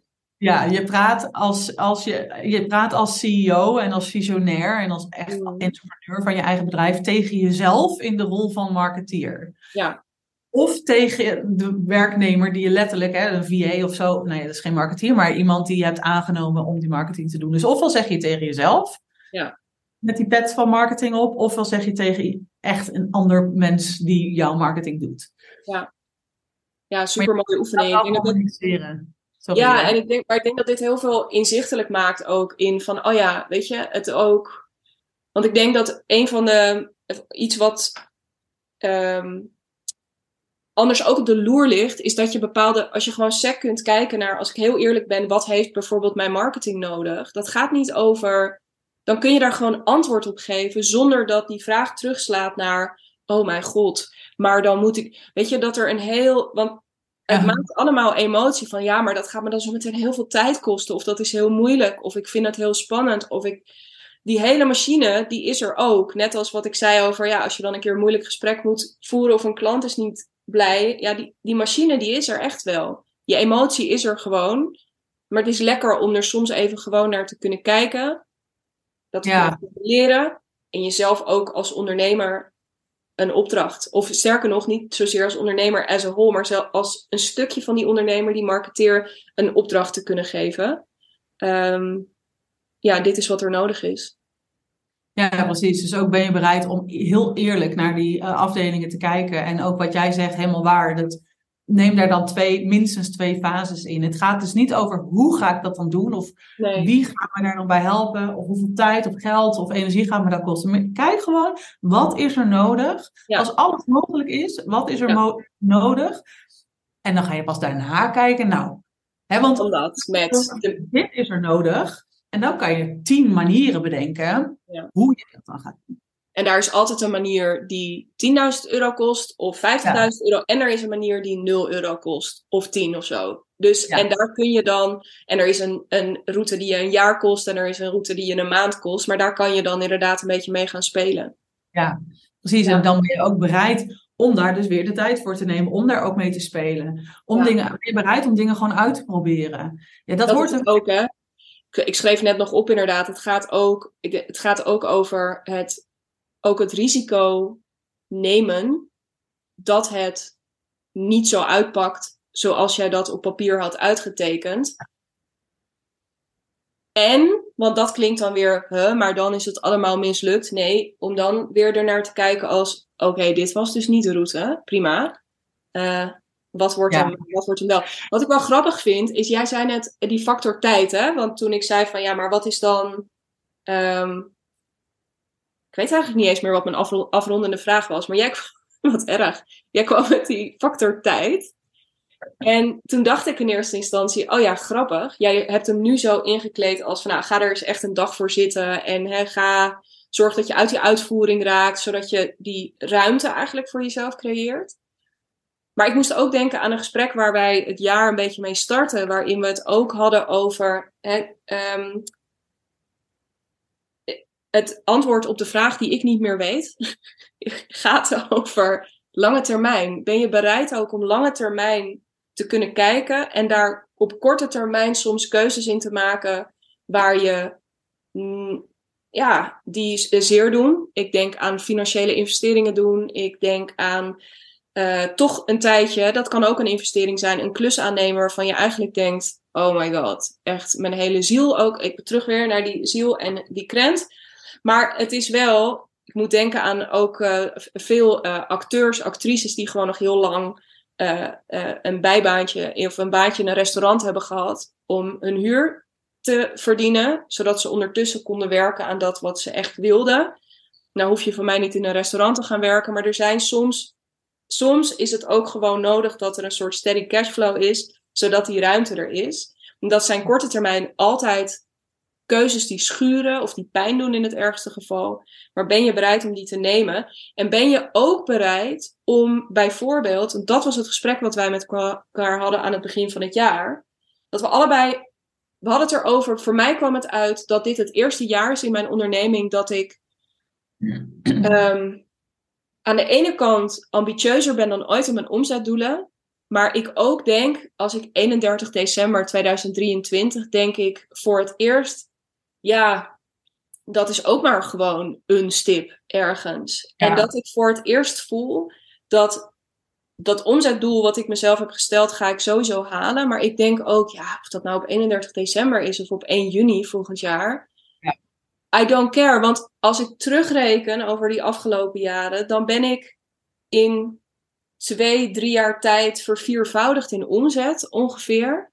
En dat zijn volgens mij de patronen waar je heel erg in op zoek wilt. Niet in wat is me vorige week gelukt, maar wat is me gewoon wat is er tot nu toe gebeurd? Ja, precies. Want uh, kalenderjaar is maar gewoon een, een menselijk idee. Hè? Ik bedoel, de wereld is niet in één keer reset op 1 januari, maar zo voelt dat dan. Of op ja. 1 eerste van de volgende maand. En natuurlijk, ik, het, is, het is gewoon een. Het is, het is een, een houvast. Ja, en nogal een, een stevige houvast, want we houden ons allemaal heel goed aan die kalenderdagen. Maar ik zeg ook wel eens tegen mijn klanten: kijk, ook sales is dus ook maar één, depart of, uh, één afdeling. Dus als jij je gevoelstoestand laat afhangen, ja, hoe jij als privépersoon voelt, uh, op basis, of als je dat vasthangt aan de salesresultaten per maand, ja, dan fluctueert dat, uh, of dan kan dat in ieder geval heel fluctueren. Tuurlijk willen we er allemaal voor zorgen dat je recurrente inkomstenstroom, maar als jij aan iets aan het bouwen bent, het ligt ook heel erg aan welke fase je bent. Kijk, als je nog heel erg bouw, aan het bouwen bent, of je bent een, een nieuw aanbod aan het maken, dan is het hartstikke logisch dat je een paar maanden minder omzet hebt dan andere maanden. Ja. En als je dan gaat kijken, oh, maar de teller staat weer op nul, op 1 maart of op 1 april. Ja, oké, okay, maar kijk inderdaad naar de groei in zijn geheel. Nou, het is gewoon, ik moet continu, ik kan altijd alleen maar aan mijn af, om het concreet te maken. Jij was ook al best wel transparant aan het begin. Ik heb vorig jaar ongeveer twee derde van mijn jaaromzet gedraaid in één maand. En, daar, en verder was het nog in twee maanden. Maar ik heb dus vorig jaar uh, even los van dat ik nog wat, omdat sommige uh, klanten voor mij in termijnen betalen, waren er nog wel wat plukjes hier en daar die doorliepen. Maar ik heb maandenlang tussen de, ook maanden tussen de 0 en 2000 euro omzet gehad. Maar daartegenover stond dat ik in een andere maand bijvoorbeeld weer een ton geaccordeerd kreeg.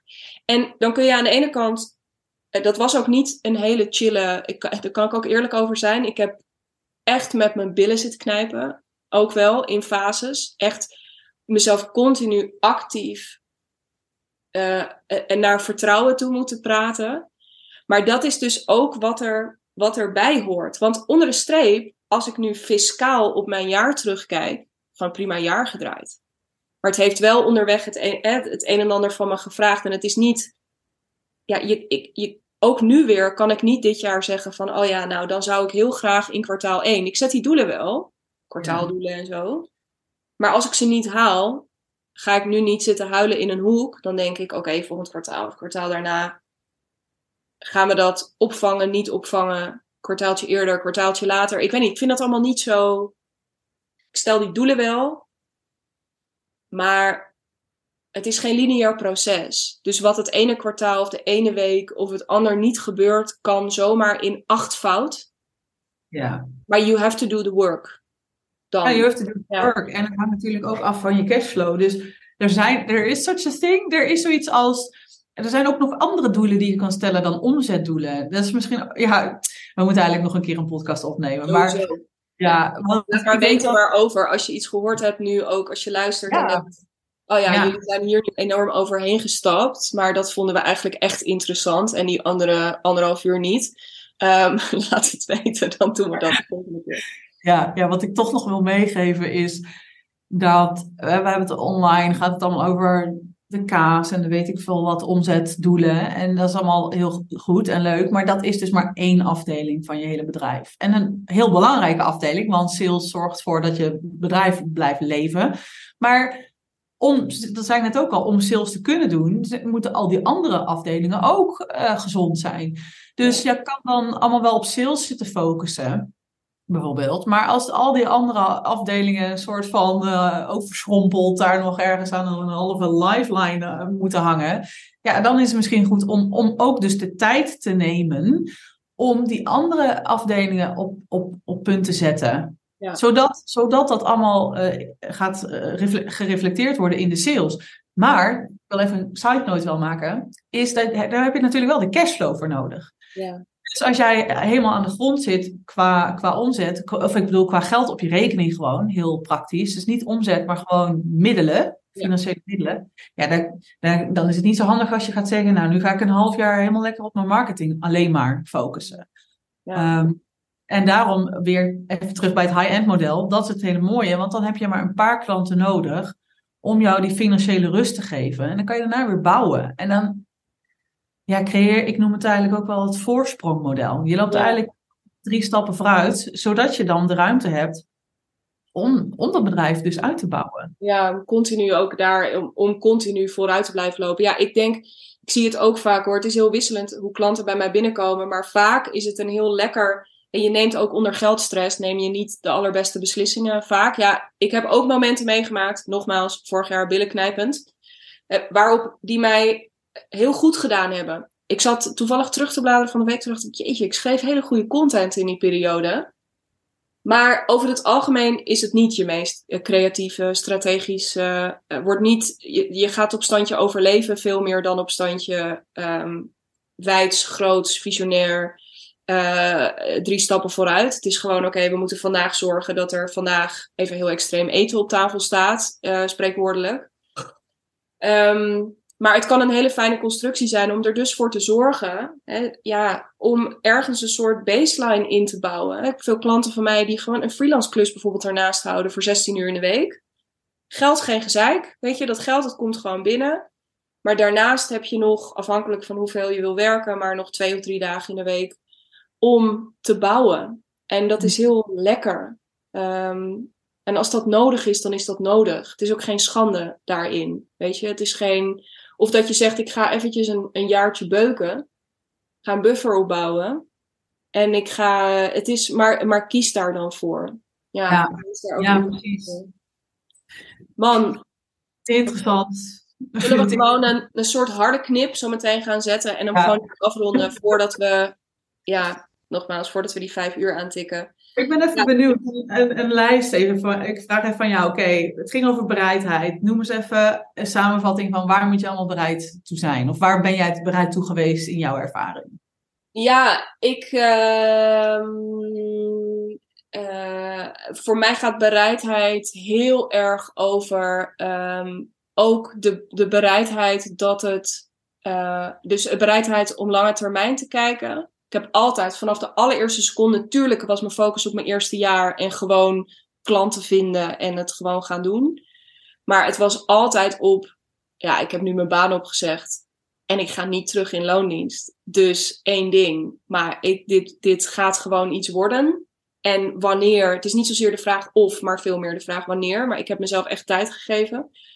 Het is sowieso de eerste drie jaar heb ik gezegd, ik ga me niet druk maken over verzekeringen afsluiten, dat soort dingen. Ik ga gewoon eerst leren, omzet verzamelen, groeien, investeren, dat soort dingen. Um, daarnaast de bereidheid, en die staat er ogenschijnlijk haaks op, maar zo zie ik het niet. Ik heb altijd gezegd, als het niks wordt, dan ga ik wat anders doen. Dus ik ben bereid, ik ben altijd nog steeds bereid. Stel dat alles wat ik nu aan het doen ben op een dag in elkaar kukelt, om wat voor reden dan ook. Dan ga ik wat anders doen, weet je. En als dat loondienst is, ja, het lijkt me best wel een uh, zware dobber om... Uh, maar ja, dan is dat wat het is. Ik heb altijd gezegd, ik heb Duits gestudeerd. Er is een chronisch lerarentekort. Whatever happens, kan altijd een baan in het onderwijs vinden. Ik red me wel. Dus ik ben heel erg bereid, denk ik, ook om letterlijk te doen wat nodig is op, in een bepaalde fase. Um, ja, ik denk dat, die, dat dat de belangrijkste dingen zijn. En ik ben dus continu um, ook bereid om keuzes te maken die voor mij heel goed werken. En een van de dingen, dat gaat over investeren. Maar dat gaat ook over um, mijn aanbod omgooien. Dus uh, twee, anderhalf, twee jaar geleden was ik nog helemaal van de content en de copywriting. Mijn hele positionering is anders. Grappig is, dat heb ik, ja, ik heb op een gegeven moment gewoon gedacht, ik moet dit gewoon doen. Toen ben ik het gaan doen en binnen twee maanden was iedereen alweer vergeten dat ik daarvoor wat anders deed. Um, ja, bereidheid het, het zit hem in heel veel dingen om echt mijn eigen route daarin te bewandelen. Om te gaan podcasten en te denken, ja fuck it, ook al luistert één iemand elke week. Ik ga podcasten. Ja, maar jij, ik vind dat super interessant aan jou, eh, omdat ik dat een, echt een eigenschap vind die, uh, ja, zoals jij zegt van, hè, we, we zijn dan, worden allemaal een beetje plat gegooid met dat het allemaal maar moeiteloos moet gaan en makkelijk. Maar ja, de echte eigenschap van succes vind ik toch gewoon dat vastbijten erin. Nou, wat ik daarin, de nuance, ik zei het van de week hardop, toen dacht ik, hier gaat het volgens mij over. Kijk, ik wil met mijn klanten ook altijd op zoek naar datgene waar in principe de minste weerstand op zit. Hè? Dus uh, een beetje weerstand wel, maar niet, geen verlammende weerstand. Dus ik wil naar iets toe wat, wat echt wel, dus een aanbod dat goed voelt, een prijs die iemand, nou, een beetje spanning misschien, maar wel gewoon durft te noemen een vorm van marketing waarbij iemand zegt: Oké, maar dit kan ik gewoon prima dagelijks of wekelijks uh, opbrengen. Dus ik wil toe naar het gemak. Maar wat ik ook wil, en daar gaat het denk ik bij mij ook. Ik ben ook gaan podcasten omdat ik zin had in podcasten, omdat dat voor mij makkelijk voelde. Maar ik ben dat wel toen ook. Ik heb het, ben het commitment aangegaan om dat wekelijks te gaan doen. En ik denk dat daar de nuance zit: is het mag makkelijk voelen, maar je moet het wel doen. En sterker nog, als jij zegt: ja, het enige aan marketing wat, ik, wat voor mij makkelijk voelt zijn Instagram stories. Dan zeg ik oké, way to go. Dan worden Instagram stories helemaal je ding. Maar hoe ga je er dan voor zorgen? Dat je, ja, je hebt zo'n lelijke Engelse term, maar hij werkt altijd goed. Maar double down on it dan. Weet je, als je het doet, word dan ook zonder, ja, ga dan ook, ga dat dan ook echt doen. Dat is denk ik de. Uh, en hetzelfde geldt voor ja, dus alles. Als je kiest voor live netwerken, omdat dat helemaal je ding is. En dat je social media eigenlijk helemaal niet zo boeiend vindt. Oké, maar ga dan ook. Word dan ook de. Ja, dan maak ik het misschien een beetje zwaar. Maar word dan ook bijna een soort van de koningin of de koning van, van dat stukje. Ga dat dan helemaal vormgeven. Uh, en het echt ja, doen. en daar dan gewoon inderdaad echt dat hele plezier in. Ja. En, en dan inderdaad ook, eh, want sommige mensen weten nog niet zo goed wat hun manier is. En dan ook om het even weer licht naar het lichte te trekken, is daar mag je het gewoon lol in hebben. Je kan toch proberen. lachen over, oh mijn god, ik ging dit proberen. Het sloeg helemaal nergens op. Ik zeg altijd tegen mijn klanten, doe gewoon. En als je op je bek gaat, dan kunnen we er toch om lachen samen. En dan kan je jezelf een, een, een schouderklop geven. En denk, oh mijn god, dit is echt uh, verschrikkelijk. Maar dan denk ik, dat is draagt allemaal bij. Dan kan je er ooit weer een keer een boek over schrijven. Maak je grappige content van, weet je wel. Ja, ook daarin neem jezelf... Ja, hè, make it all about you and not it all about you. At the ja, same. Ja, ik denk dat daar een hele belangrijke zit.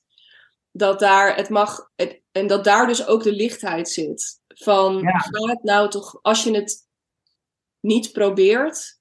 Nou, als je het, dan weet je het zo, dan gaat, gaat er ook geen antwoord komen, inderdaad. Want door erachter te komen van, oh mijn god, dit werkt niet.